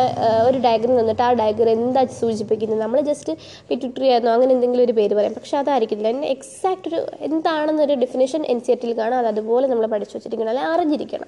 കാണാപ്പാടം പഠിക്കണം മനസ്സിലാക്കി പഠിച്ചിരുന്നാൽ മതി നമുക്ക് ഈ സ്ട്രക്ചർ നോക്കാം. അവിടെ എന്ത് നമുക്ക് ആദ്യം കാണാം. ആദ്യ ഗ്രേ പോർഷനുള്ളതാണ് ഹൈപ്പോതലാമസ് ഹൈപ്പോതലാമസിൽ നിന്ന് ആര് വരുന്നുണ്ട്? ഒരുപാട് ഹൈപ്പോതലാമിക് ന്യൂറോൺസ് വരുന്നുണ്ട്. അതിനെയാണ് നമ്മൾ എന്തെന്ന് പറയുന്നത്? ന്യൂക്ലിയ എന്ന് പറയുന്നത്. ഓക്കെ അപ്പോൾ അവന്മാർ എങ്ങോട്ടേക്ക് വരുന്നുണ്ട്? താഴേക്ക് വന്നു കഴിഞ്ഞാൽ നമുക്കൊരു എന്താ ചിക്കൻ കാൽ പോലത്തെയോ അല്ലെങ്കിൽ ഒരു പീച്ച് ഷേപ്പിലുള്ള പീച്ച് പീച്ച് പീച്ചിന്റെ ഷേപ്പിലുള്ള ഒരു സ്ട്രക്ചർ കാണാം. അതിന്റെ ഒരു ലൈറ്റ് ഷെയ്ഡിൽ കൊടുത്തിരിക്കുന്നതാണ് പോസ്റ്റീരിയർ പിറ്റ്യൂട്ടറി ഇച്ചിരി ഡാർക്ക് ഷെയ്ഡിൽ ഒരു ഓറഞ്ചിന്റെ അല്ലി പോലെയൊക്കെ ഉള്ളിൽ കാണുന്നത് അതായത് അതൊക്കെ പോർട്ടൽ സർക്കുലേഷൻ ആണ് കേട്ടോ. അതേപോലെ കാണിച്ചിരിക്കുന്നതാണ് എന്തെന്ന് പറയുന്നത്? ആന്റീരിയർ പിറ്റ്യൂട്ടറി ഇപ്പോൾ ആന്റീരിയർ പിറ്റ്യൂട്ടറിയും പോസ്റ്റീരിയർ പിറ്റ്യൂട്ടറിയും കണ്ടല്ലോ? ഹൈപ്പോത്തലാമസ് കണ്ടല്ലോ? ഹൈപ്പോത്തലാമിക് ന്യൂറോൺസ് വരുന്നത് കണ്ടല്ലോ? നോക്കിക്കേ ഒരു വലിയ ഹൈപ്പോത്തലാമിക് ന്യൂറോൺ ഡയറക്റ്റ് വന്നിട്ട് നമ്മുടെ പോസ്റ്റീരിയർ പിറ്റ്യൂട്ടറിലേക്ക് കണക്ട് ചെയ്യുന്നില്ലേ? അതുകൊണ്ടാണ് പറയുന്നത് ഹൈപ്പോത്തലാമസിന് പോസ്റ്റീരിയർ പിറ്റ്യൂട്ടറിയുടെ ഡയറക്റ്റ് കണക്ഷൻ ഉണ്ട് അല്ലെങ്കിൽ ഡയറക്റ്റ് കൺട്രോളാണ് അവിടെ ഉള്ളതെന്ന്. പക്ഷേ നോക്കിക്കേ ഞാൻ നേരത്തെ പറഞ്ഞായിരുന്നു ആന്റീരിയർ പിറ്റ്യൂട്ടറിക്ക് അത് ഒരു ഓറഞ്ചിന്റെ അല്ലി പോലെ അല്ലെങ്കിൽ ഓറഞ്ച് മുറിക്കുമ്പോൾ കാണുന്ന ഒരു സ്ട്രക്ചർ പോലെയൊക്കെ എന്തോ ഒരു സ്ട്രക്ചർ ഇങ്ങനെ ഇടയ്ക്കിടയ്ക്ക് ഒട്ടയൊക്കെ വീണ് കിടക്കുന്നുണ്ടല്ലേ? അതാണ് നമ്മുടെ പോർട്ടൽ സർക്കുലേഷൻ പോർട്ടൽ സർക്കുലേറ്ററി സിസ്റ്റത്തിന്റെ ഒരു പാർട്ടാണ് അപ്പോൾ അതുവഴിയാണ് നമ്മൾ ആന്റിനർ പിറ്റ്യൂട്ടറിയെ ഹൈപ്പോത്തലാമസ് കൺട്രോൾ ചെയ്യുന്നതെന്ന് പറഞ്ഞായിരുന്നു അപ്പോൾ ഹൈപ്പോത്തലാമസിൽ നിന്ന് ഹൈപ്പോത്തലാമിക് ന്യൂറോൺ ആന്റിനർ പിറ്റ്യൂട്ടറിയിലേക്ക് പോകുന്നത് ഡയറക്റ്റ് ആയിട്ടല്ല പകരം പോർട്ടൽ സർക്കുലേറ്ററി സിസ്റ്റം വേണ്ടിയിട്ടാണ്. അപ്പോൾ ആ കാണുന്നതാണ് പോർട്ടൽ സർക്കുലേഷന്റെ സംഭവങ്ങൾ പിന്നെ ആന്റിനർ പിറ്റ്യൂട്ടറി കാണാം പോസ്റ്റർ പിറ്റ്യൂട്ടറി കാണാം ഹൈപ്പോത്തലാമസും ഹൈപ്പോതാമിക് ന്യൂറോൺസും കാണാം. അതാണ് figure twenty two point ടുവിലെ diagrammatic representation of pituitary and its relationship with hypothalamus okay നമുക്ക് നമ്മുടെ ഹൈപ്പത്തലാമസിന്റെ മെയിൻ അല്ല പിറ്റിട്ടൊരു ഗ്ലാൻഡിന്റെ മെയിൻ കാര്യങ്ങളിലേക്ക് വരാം. അപ്പോൾ എവിടെയായിരുന്നു ലൊക്കേറ്റ് ചെയ്തിരിക്കുന്നത്? ഒരു ബോണിക് കെവിറ്റിയിലായിരുന്നു ബോണിക് കെവിറ്റിയുടെ പേരാണ് സെല്ല ടോർസിക്ക അത് അറ്റാച്ച് ചെയ്തിരിക്കുന്നത് ഹൈപ്പത്തലാമസിൽ ഒരു സ്റ്റാക്ക് വഴി അല്ലെങ്കിൽ സ്റ്റോക്ക് വഴി ഇങ്ങനെ കണക്ട് ചെയ്തിരിക്കുകയാണ്. ഒരു കമ്പ് കഷ്ണം പോലത്തെ സംഭവം വഴി ഇങ്ങനെ കണക്ട് ചെയ്തിരിക്കുകയാണ്. സ്റ്റോക്ക് വഴി കണക്ട് ചെയ്ത് വെച്ചിരിക്കുകയാണ്. ഇനി ഈ പിറ്റ്യൂട്ടറി ഗ്ലാൻഡിനെ രണ്ടായിട്ട് തിരിച്ചിട്ടുണ്ട്. ഓക്കെ അഡിനോ ഹൈപ്പോഫിസിസ് എന്നും ന്യൂറോ ഹൈപ്പോഫിസിസ് എന്നും നമുക്ക് പറയാം. എന്താണ് അഡിനോ ഹൈപ്പോഫിസിസും ന്യൂറോ ഹൈപ്പോഫിസും ഇങ്ങനെ രണ്ടായിട്ടാണ് നമ്മൾ പിറ്റ്യൂട്ടറി തിരിച്ചിരിക്കുന്നത്. അഡിനോ ഹൈപ്പോഫിസിസ് എന്ന് പറഞ്ഞാൽ എന്താണ്? Pars distalis. അതാണ് അഡിനോ ഹൈപ്പോഫിസിസ് രണ്ട് പാർട്ടുണ്ട് കേട്ടോ അഡിനോ ഹൈപ്പോഫിസിലുള്ള രണ്ട് ആദ്യത്തെ പാർട്ടാണ് പാർസ് ഡിസ്റ്റാലിസും രണ്ടാമത്തെ പാർട്ടാണ് പാർസ് ഇന്റർമീഡിയറ്റ് ഞാൻ പറഞ്ഞു പിറ്റ്യൂട്ടറിയിൽ രണ്ട് ഭാഗങ്ങളുണ്ട്.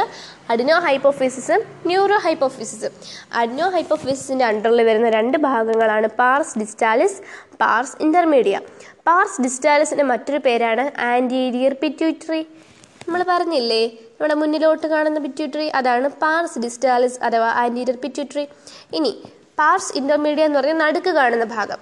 ഓക്കെ ആ ഇന്റർമീഡിയറ്റ് ഉണ്ട്. ഡിസ്റ്റാലിസ് ഉണ്ട്. മുന്നിലുള്ള ഭാഗവും നടുക്കുള്ള ഭാഗമാണ് അഡിനോ ഹൈപ്പോഫിസിസ് വരുന്നത്. ഇനി അടുത്ത ന്യൂറോ ഹൈപ്പോഫിസിസ് ആണ്. ന്യൂറോ ഹൈപ്പോഫിസിസിനകത്ത് വരുന്ന എന്താണ്? പോസ്റ്റീരിയർ പിറ്റ്യൂട്ടറിയാണ് ന്യൂറോ ഫിസിസ് ഹൈപ്പോഫിസിനകത്ത് വരുന്നത് പോസ്റ്റീരിയർ പിറ്റ്യൂട്ടറിയാണ് അതുകൊണ്ട് തന്നെ ഒരാളല്ലേ വരുന്നുള്ളൂ. അപ്പോൾ നമുക്ക് ന്യൂറോ ഹൈപ്പോഫിസിസ് എന്ന് പറഞ്ഞാലോ അല്ലെങ്കിൽ പോസ്റ്റീരിയർ പിറ്റ്യൂട്ടറി എന്ന് പറഞ്ഞാലോ രണ്ടും പരസ്പരം അങ്ങോട്ടും ഇങ്ങോട്ടും അർത്ഥമുണ്ട്. ഓക്കെ ന്യൂറോ ഹൈപ്പോഫിസ് ഏതാണെന്ന് വെച്ചാൽ പോസ്റ്റീരിയർ പിറ്റ്യൂട്ടറി പോസ്റ്റീരിയർ പിറ്റ്യൂട്ടറി എന്ന് വെച്ചാൽ ന്യൂറോ ഹൈപ്പോഫിസിസ് ഇങ്ങനെ പറയാം കേട്ടോ. അപ്പം neurohypophysis also known as posterior pituitary നമുക്ക് പറയാം. മനസ്സിലായോ? പിറ്റ്യൂട്ടറി രണ്ടുണ്ട് അഡിനോ ഹൈപ്പോഫിസിസും ന്യൂറോ ഹൈപ്പോഫിസിസും അഡിനോ ഹൈപ്പോഫിസിസിന്റെ അടിയിൽ രണ്ടെണ്ണം പാസ് ഡിസ്റ്റാളിസ് പാസ് ഇന്റർമീഡിയ ന്യൂറോ ഹൈപ്പോഫിസിസിന്റെ അടിയിൽ ഹൈപ്പോഫിസിസിന്റെ അടിയിൽ പോസ്റ്റീരിയർ പിറ്റ്യൂട്ടറി മാത്രമേ വരുന്നുള്ളൂ. അപ്പോൾ ഈ പാർസ് ഡിസ്റ്റാൾസിന്റെ പേരായിരുന്നു ആന്റീരിയർ പിറ്റ്യൂട്ടറി അത് ഒത്തിരി ഹോർമോൺസിനെ അല്ലെങ്കിൽ ഒത്തിരി ഗ്ലാൻഡ് അല്ലെങ്കിൽ ഹോർമോൺസുകൾ അതിൽ നിന്ന് വരുന്നുണ്ട്. പാർസ് ഇന്റർമീഡിയറ്റ് എന്ന് ഒരൊറ്റ ഒരാളേ ഉള്ളൂ. M S H melanocyte stimulating hormone പുള്ളിക്കാരന്റെ പരിപാടി എന്താണ്? നമ്മുടെ സ്കിൻ കളറൊക്കെ മെയിന്റെയിൻ ചെയ്യുക റെഗുലേറ്റ് ചെയ്യുന്നതാണ് എം എസ് എച്ചിന്റെ പരിപാടി. മെലനോസൈറ്റ് സ്റ്റിമുലേറ്റിംഗ് ഹോർമോൺ ഇനി പോസിറ്റീവ് പിറ്റ്യൂട്ടറിയിലുള്ളതോ അവിടെ രണ്ട് പേരാ. ഓക്സിറ്റോസിനും വാസോപ്രസിനും അപ്പം കവറുടെ കാര്യം നോക്കുകയാണെങ്കിൽ രണ്ടുപേരും പോസ്റ്റീരിയർ പിറ്റ്യൂട്ടറി നിന്നാണ് വരുന്നതെങ്കിലും ഉണ്ടാക്കുന്നത് പോസ്റ്റീരിയർ പിറ്റ്യൂട്ടറി അല്ല. ആരാണ് ഹൈപ്പോതലാമസ് ആണ്. പുറത്തേക്ക് വരുന്നത് നമ്മുടെ ഈ neuro hypophysis part of pituitary ആണെന്നേ ഉള്ളൂ. അതായത് പോസ്റ്റീരിയർ പിറ്റ്യൂട്ടറി എന്നാണെന്നേ ഉള്ളൂ. എന്തൊക്കെയാണ്? ഓക്സിറ്റോസിനും വാസോപ്രസിനും അല്ലേ? ഓക്സിറ്റോസിന്റെ പരിപാടി എന്താണ്? പുള്ളിക്കാരന് സ്മൂത്ത് മസിൽസിന്റെ പരിപാടികളാണുള്ളത്. ഓക്സിറ്റോസിന്റെ ഓ കണ്ടില്ലേ? എന്ത് സ്മൂത്ത് ആയിട്ടാണ് ഇരിക്കുന്നത്? വല്ല മുനമ്പുകളോ കൂർപ്പുകളോ അതിനുണ്ടോ?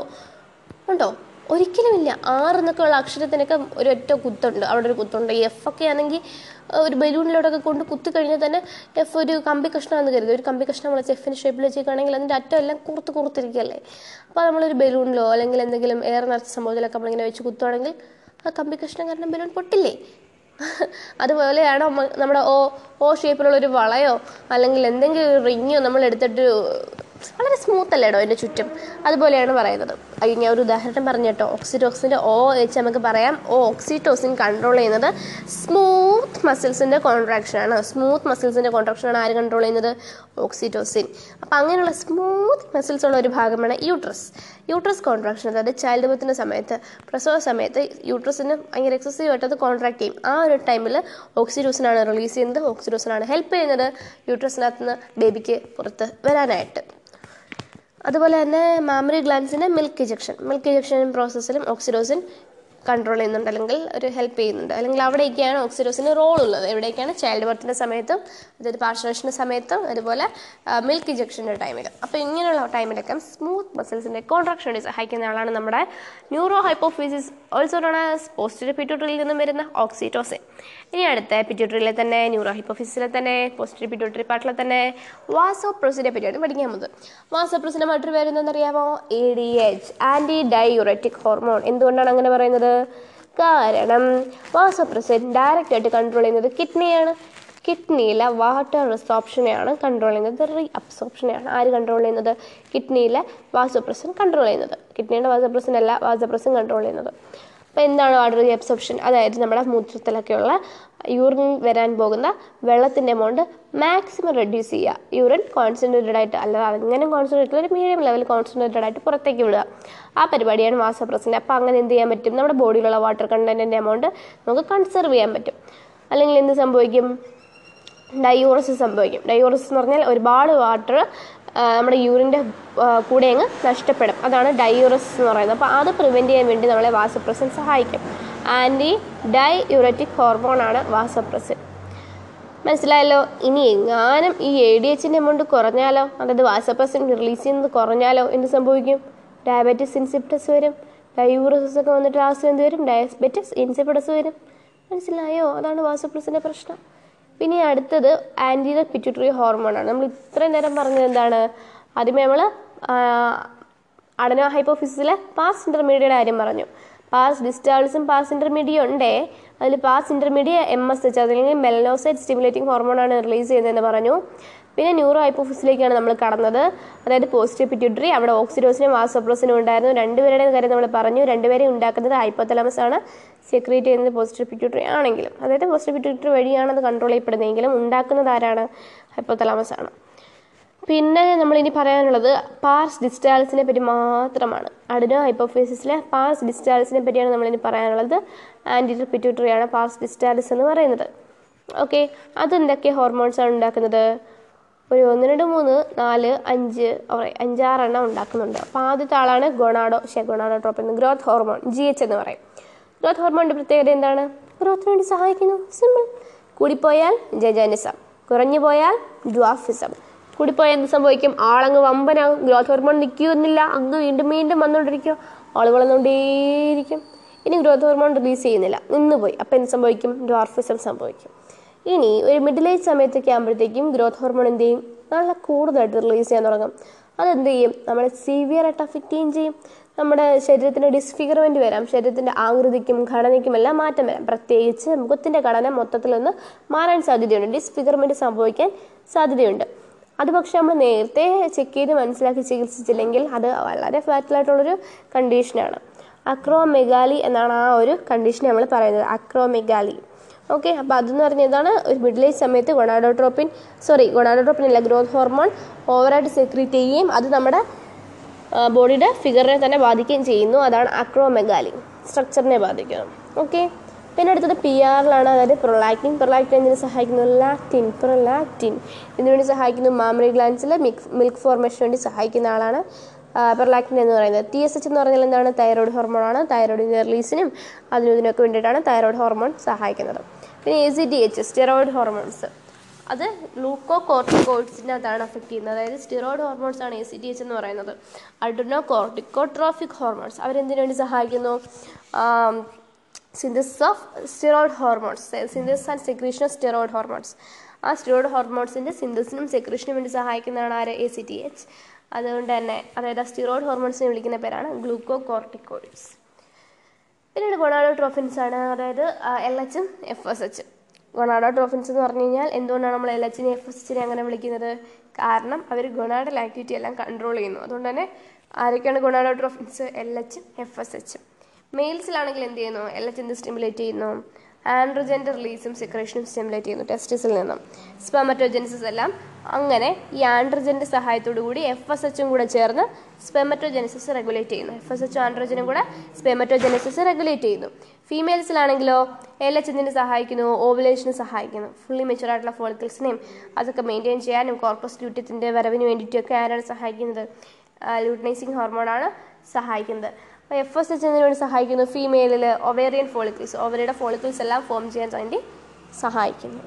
അപ്പോൾ ഇത്രയാണ് നമുക്ക് പിറ്റ്യൂട്ടറി ഗ്ലാൻഡിനെ പറ്റി പഠിക്കാനുള്ളത്. ഓക്കെ ഇനി അടുത്ത പിനിയൽ ഗ്ലാൻഡ് തൈറോയ്ഡ് ഗ്ലാൻഡ് എല്ലാം പഠിക്കും. ഹായ് ഗായ്സ് നമ്മൾ ബയോളജിയിലെ chapter twenty two chemical coordination and ഇന്റഗ്രേഷനാണ് പഠിക്കാൻ പോകുന്നത്. പ്ലസ് വൺ ബയോളജിയിൽ ഓക്കെ നമ്മളപ്പോൾ തുടക്കത്തിൽ തന്നെ നമ്മൾ ജസ്റ്റ് സംഭവം പറഞ്ഞു പറഞ്ഞു പോകാം. ന്യൂറോ സിസ്റ്റവും എൻഡോക്രൈൻ സിസ്റ്റവും ഒരുമിച്ചാണ് നമ്മുടെ ഫിസിയോളജിക്കൽ ഫങ്ഷൻസ് എല്ലാം ശരീരത്തിൽ ക്യാരി ഓൺ ചെയ്യുന്നത്. ഓക്കെ എന്തുകൊണ്ടായിരിക്കും അങ്ങനെ? കാരണം നമ്മുടെ point two point rapid coordination അതായത് ഓർഗൻസിനിടയിലെ point two point rapid coordination ആർക്ക് മെയിന്റെയിൻ ചെയ്യാൻ പറ്റും? ന്യൂറൽ സിസ്റ്റത്തിന് മെയിന്റെയിൻ ചെയ്യാൻ പറ്റും. പക്ഷേ അവരുടെ പ്രശ്നം എന്ന് വെച്ച് കഴിഞ്ഞാൽ അവർ വളരെ പെട്ടെന്നുള്ളവരായതുകൊണ്ട് തന്നെ ഭയങ്കര ഷോർട്ട് ലീവ്ഡാണ് അവർ ഇച്ചിരി നേരം നിൽക്കത്തുള്ളൂ ഫാസ്റ്റ് ആക്ഷൻ ആയിരിക്കും പക്ഷേ ആ ഫാസ്റ്റ് ആക്ഷൻ കുറച്ച് നേരത്തേക്ക് കാണും. സോറി കിളികളാണ്. രാവിലത്തെ സമയം ഇങ്ങനെ കിളികളൊക്കെ ഉണ്ട്. ഷോർട്ട് ലീവ്ഡ് ആയിരിക്കും.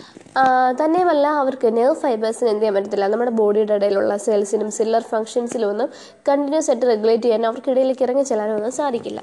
അതുകൊണ്ട് തന്നെ നമുക്ക് സ്പെഷ്യൽ കൈൻഡ് ഓഫ് കോർഡിനേഷൻ ഇന്റഗ്രേഷനൊക്കെ ആവശ്യമാണ്. അങ്ങനെ നമ്മൾ ഉണ്ടാക്കിയ സംഭവമാണ്. അല്ലെങ്കിൽ അങ്ങനെ അതിനുവേണ്ടി സഹായിക്കുന്നൊരു സിസ്റ്റമാണ് എന്തെന്ന് പറയുന്നത് ഈ ഹോർമോൺസും കെമിക്കൽ കോർഡിനേഷൻ എന്നൊക്കെ പറയുന്നത്. അപ്പം അതെല്ലാം കൈകാര്യം ചെയ്യുന്ന എന്താണ്? എൻഡോക്രൈൻ സിസ്റ്റമാണ് എൻഡോക്രൈൻ സിസ്റ്റമാണ് ന്യൂറോ ന്യൂറോ സിസ്റ്റത്തിനോടൊപ്പം തന്നെ ചേർന്ന് നമ്മുടെ ഫിസിയോളജിക്കൽ ഫങ്ഷൻസ് കൈകാര്യം ചെയ്യുന്നത്. അതാണ് ഇൻട്രൊഡക്ഷൻ ഫോമിൽ പറയുന്നത്. പിന്നീട് അങ്ങോട്ട് എൻഡോക്രൈൻ ഗ്ലാൻസ് എന്തൊക്കെയാണ്? അവർ സെക്രീറ്റ് ചെയ്യുന്ന ഹോർമോൺസ് എന്തൊക്കെയാണെന്നാണ് പറയുന്നത്. ഇനി എന്താണ് ഹോർമോൺസ് എന്തൊക്കെ ഹോർമോൺസ് ആണ് സെക്രീറ്റ് ചെയ്യുന്നത്? ആരൊക്കെയാണ് സെക്രീറ്റ് ചെയ്യുന്നതിനൊക്കെ ഡീറ്റെയിൽ ആയിട്ട് പഠിക്കാൻ പോവുകയാണ്. അത് ട്വന്റി ടു പോയിന്റ് വൺ സെക്ഷനിലാണ് തുടങ്ങുന്നത്. എൻഡോക്രൈൻ ഗ്ലാൻസ് ആൻഡ് ഹോർമോൺസ് അപ്പോൾ അതിൽ നമ്മൾ പറയുന്നുണ്ട് എൻഡോക്രൈൻ ഗ്ലാൻസിന് ഡക്റ്റുകളൊന്നുമില്ല അവർക്ക് അവർക്ക് പോകാൻ വേണ്ടി പൈപ്പ് കണക്ഷൻസ് പോലുള്ള സംഭവങ്ങളൊന്നുമില്ല. അതുകൊണ്ട് തന്നെ നമ്മൾ അവരെ എന്തെന്ന് വിളിക്കും? ഡക്റ്റിലസ് ഗ്ലാൻസ് എന്നാണ് വിളിക്കുന്നത്. അതൊന്ന് നോട്ട് ചെയ്ത് വെച്ചോളൂ. പിന്നീട് നമ്മൾ പറയുന്നത് ഹോർമോൺസിന്റെ ഒരു ഡെഫിനിഷനാണ് പണ്ട് നമ്മൾ പഠിച്ചിരുന്ന ഡെഫിനിഷൻ ഒരു ക്ലാസിക്കൽ ഡെഫിനിഷനായിട്ട് അറിയപ്പെടുന്നത് ഹോർമോൺസ് എന്നാൽ കെമിക്കൽസ് ആണ് ഉണ്ടാക്കുന്നത് എൻഡോക്രൈൻ ഗ്ലാൻസ് ആണ്. അവയെ നമ്മൾ നേരിട്ട് ബ്ലഡിലേക്ക് റിലീസ് ചെയ്യുന്നു. അവർ ഡിസ്റ്റന്റ് ആയിട്ട് ലൊക്കേറ്റ് ചെയ്തിരിക്കുന്ന ടാർജറ്റ് ഓർഗനിലേക്ക് ട്രാൻസ്പോർട്ട് ചെയ്യുകയും അങ്ങനെ ചെയ്യുകയും അവിടെ എന്താ മാറ്റം വരുത്തേണ്ടതെന്ന് വെച്ചാൽ അത് ചെയ്യുകയും ചെയ്യുന്നു എന്നാണ് പറഞ്ഞിരുന്നത്. അപ്പോൾ എന്താണ്? എൻഡോക്രൈൻ ഗ്ലാൻസ് നേരിട്ട് ബ്ലഡിലേക്ക് റിലീസ് ചെയ്യുന്ന കുറച്ച് കെമിക്കൽ സംഭവങ്ങൾ. അവർ അവരുടെ ഡിസ്റ്റന്റ് ആയിട്ട് ലൊക്കേറ്റ് ചെയ്തിരിക്കുന്ന ടാർജറ്റ് ഓർഗനിലേക്ക് ബ്ലഡ് വഴി ട്രാൻസ്പോർട്ട് ചെയ്ത് പോകുന്നു. പക്ഷേ അതൊരു ക്ലാസിക്കൽ ഡെഫിനിഷനാണ് അത് ഔട്ട്ഡേറ്റഡ് ആയിപ്പോയി. അതല്ല നമ്മളിപ്പോൾ പറയുന്നത്. ഇപ്പം നമ്മൾ ചൂസ് ചെയ്യുന്ന ഡെഫിനിഷൻ എന്താണെന്ന് വെച്ച് കഴിഞ്ഞാൽ hormones are non nutrient chemicals which act as intercellular messengers and produced in trace amounts അതായത് ഹോർമോൺസ് എന്നാൽ നോൺ ന്യൂട്രിയൻ ആയിട്ടുള്ള കെമിക്കൽസ് ആണ്. ന്യൂട്രിയൻ ആയിട്ടുള്ള അല്ലെങ്കിൽ ന്യൂട്രിയൻ റിച്ച് ആയിട്ടുള്ള കെമിക്കൽസ് അല്ല ഹോർമോൺസ് എന്ന് പറയുന്നത്.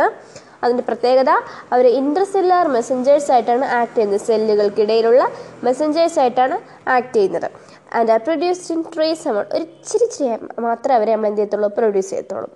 Hormones are non nutrient chemicals which act as intercellular messengers and are produced in trace amounts അപ്പം ഇങ്ങനെ നമ്മളൊരു പുതിയ ഡെഫിഷൻ കൊണ്ട കൊടുത്ത് കൊണ്ടുവന്നെങ്കിൽ മാത്രമേ ഒരുപാട് ഒരുപാട് ഒരുപാട് അറിയപ്പെടാതെ കിടക്കുന്ന ഹോർമോൺസിനെയും ഹോർമോൺസ് എന്ന നിലയിൽ നമുക്ക് കൺസിഡർ ചെയ്യാൻ പറ്റത്തുള്ളൂ. അല്ലെങ്കിൽ കുറച്ച് പേരെ മാത്രം ഒരു എലൈറ്റ് ക്ലാസ് ആയിട്ട് അവരെ മാത്രം നമ്മൾ ഹോർമോൺസ് എന്നുള്ള രീതിയിൽ നേരത്തെ ഡെഫിനിഷന്റെ അണ്ടറിൽ വരുന്നുള്ളായിരുന്നു. ഇങ്ങനത്തെ ഒരു ഡെഫിനിഷൻ അതായത് മോഡിഫിക്കേഷൻ കൊണ്ടുവന്നതോടുകൂടിയാണ് നമുക്ക് എല്ലാ ഹോർമോൺസിനെയും ഉൾക്കൊള്ളിക്കാൻ പറ്റിയത്.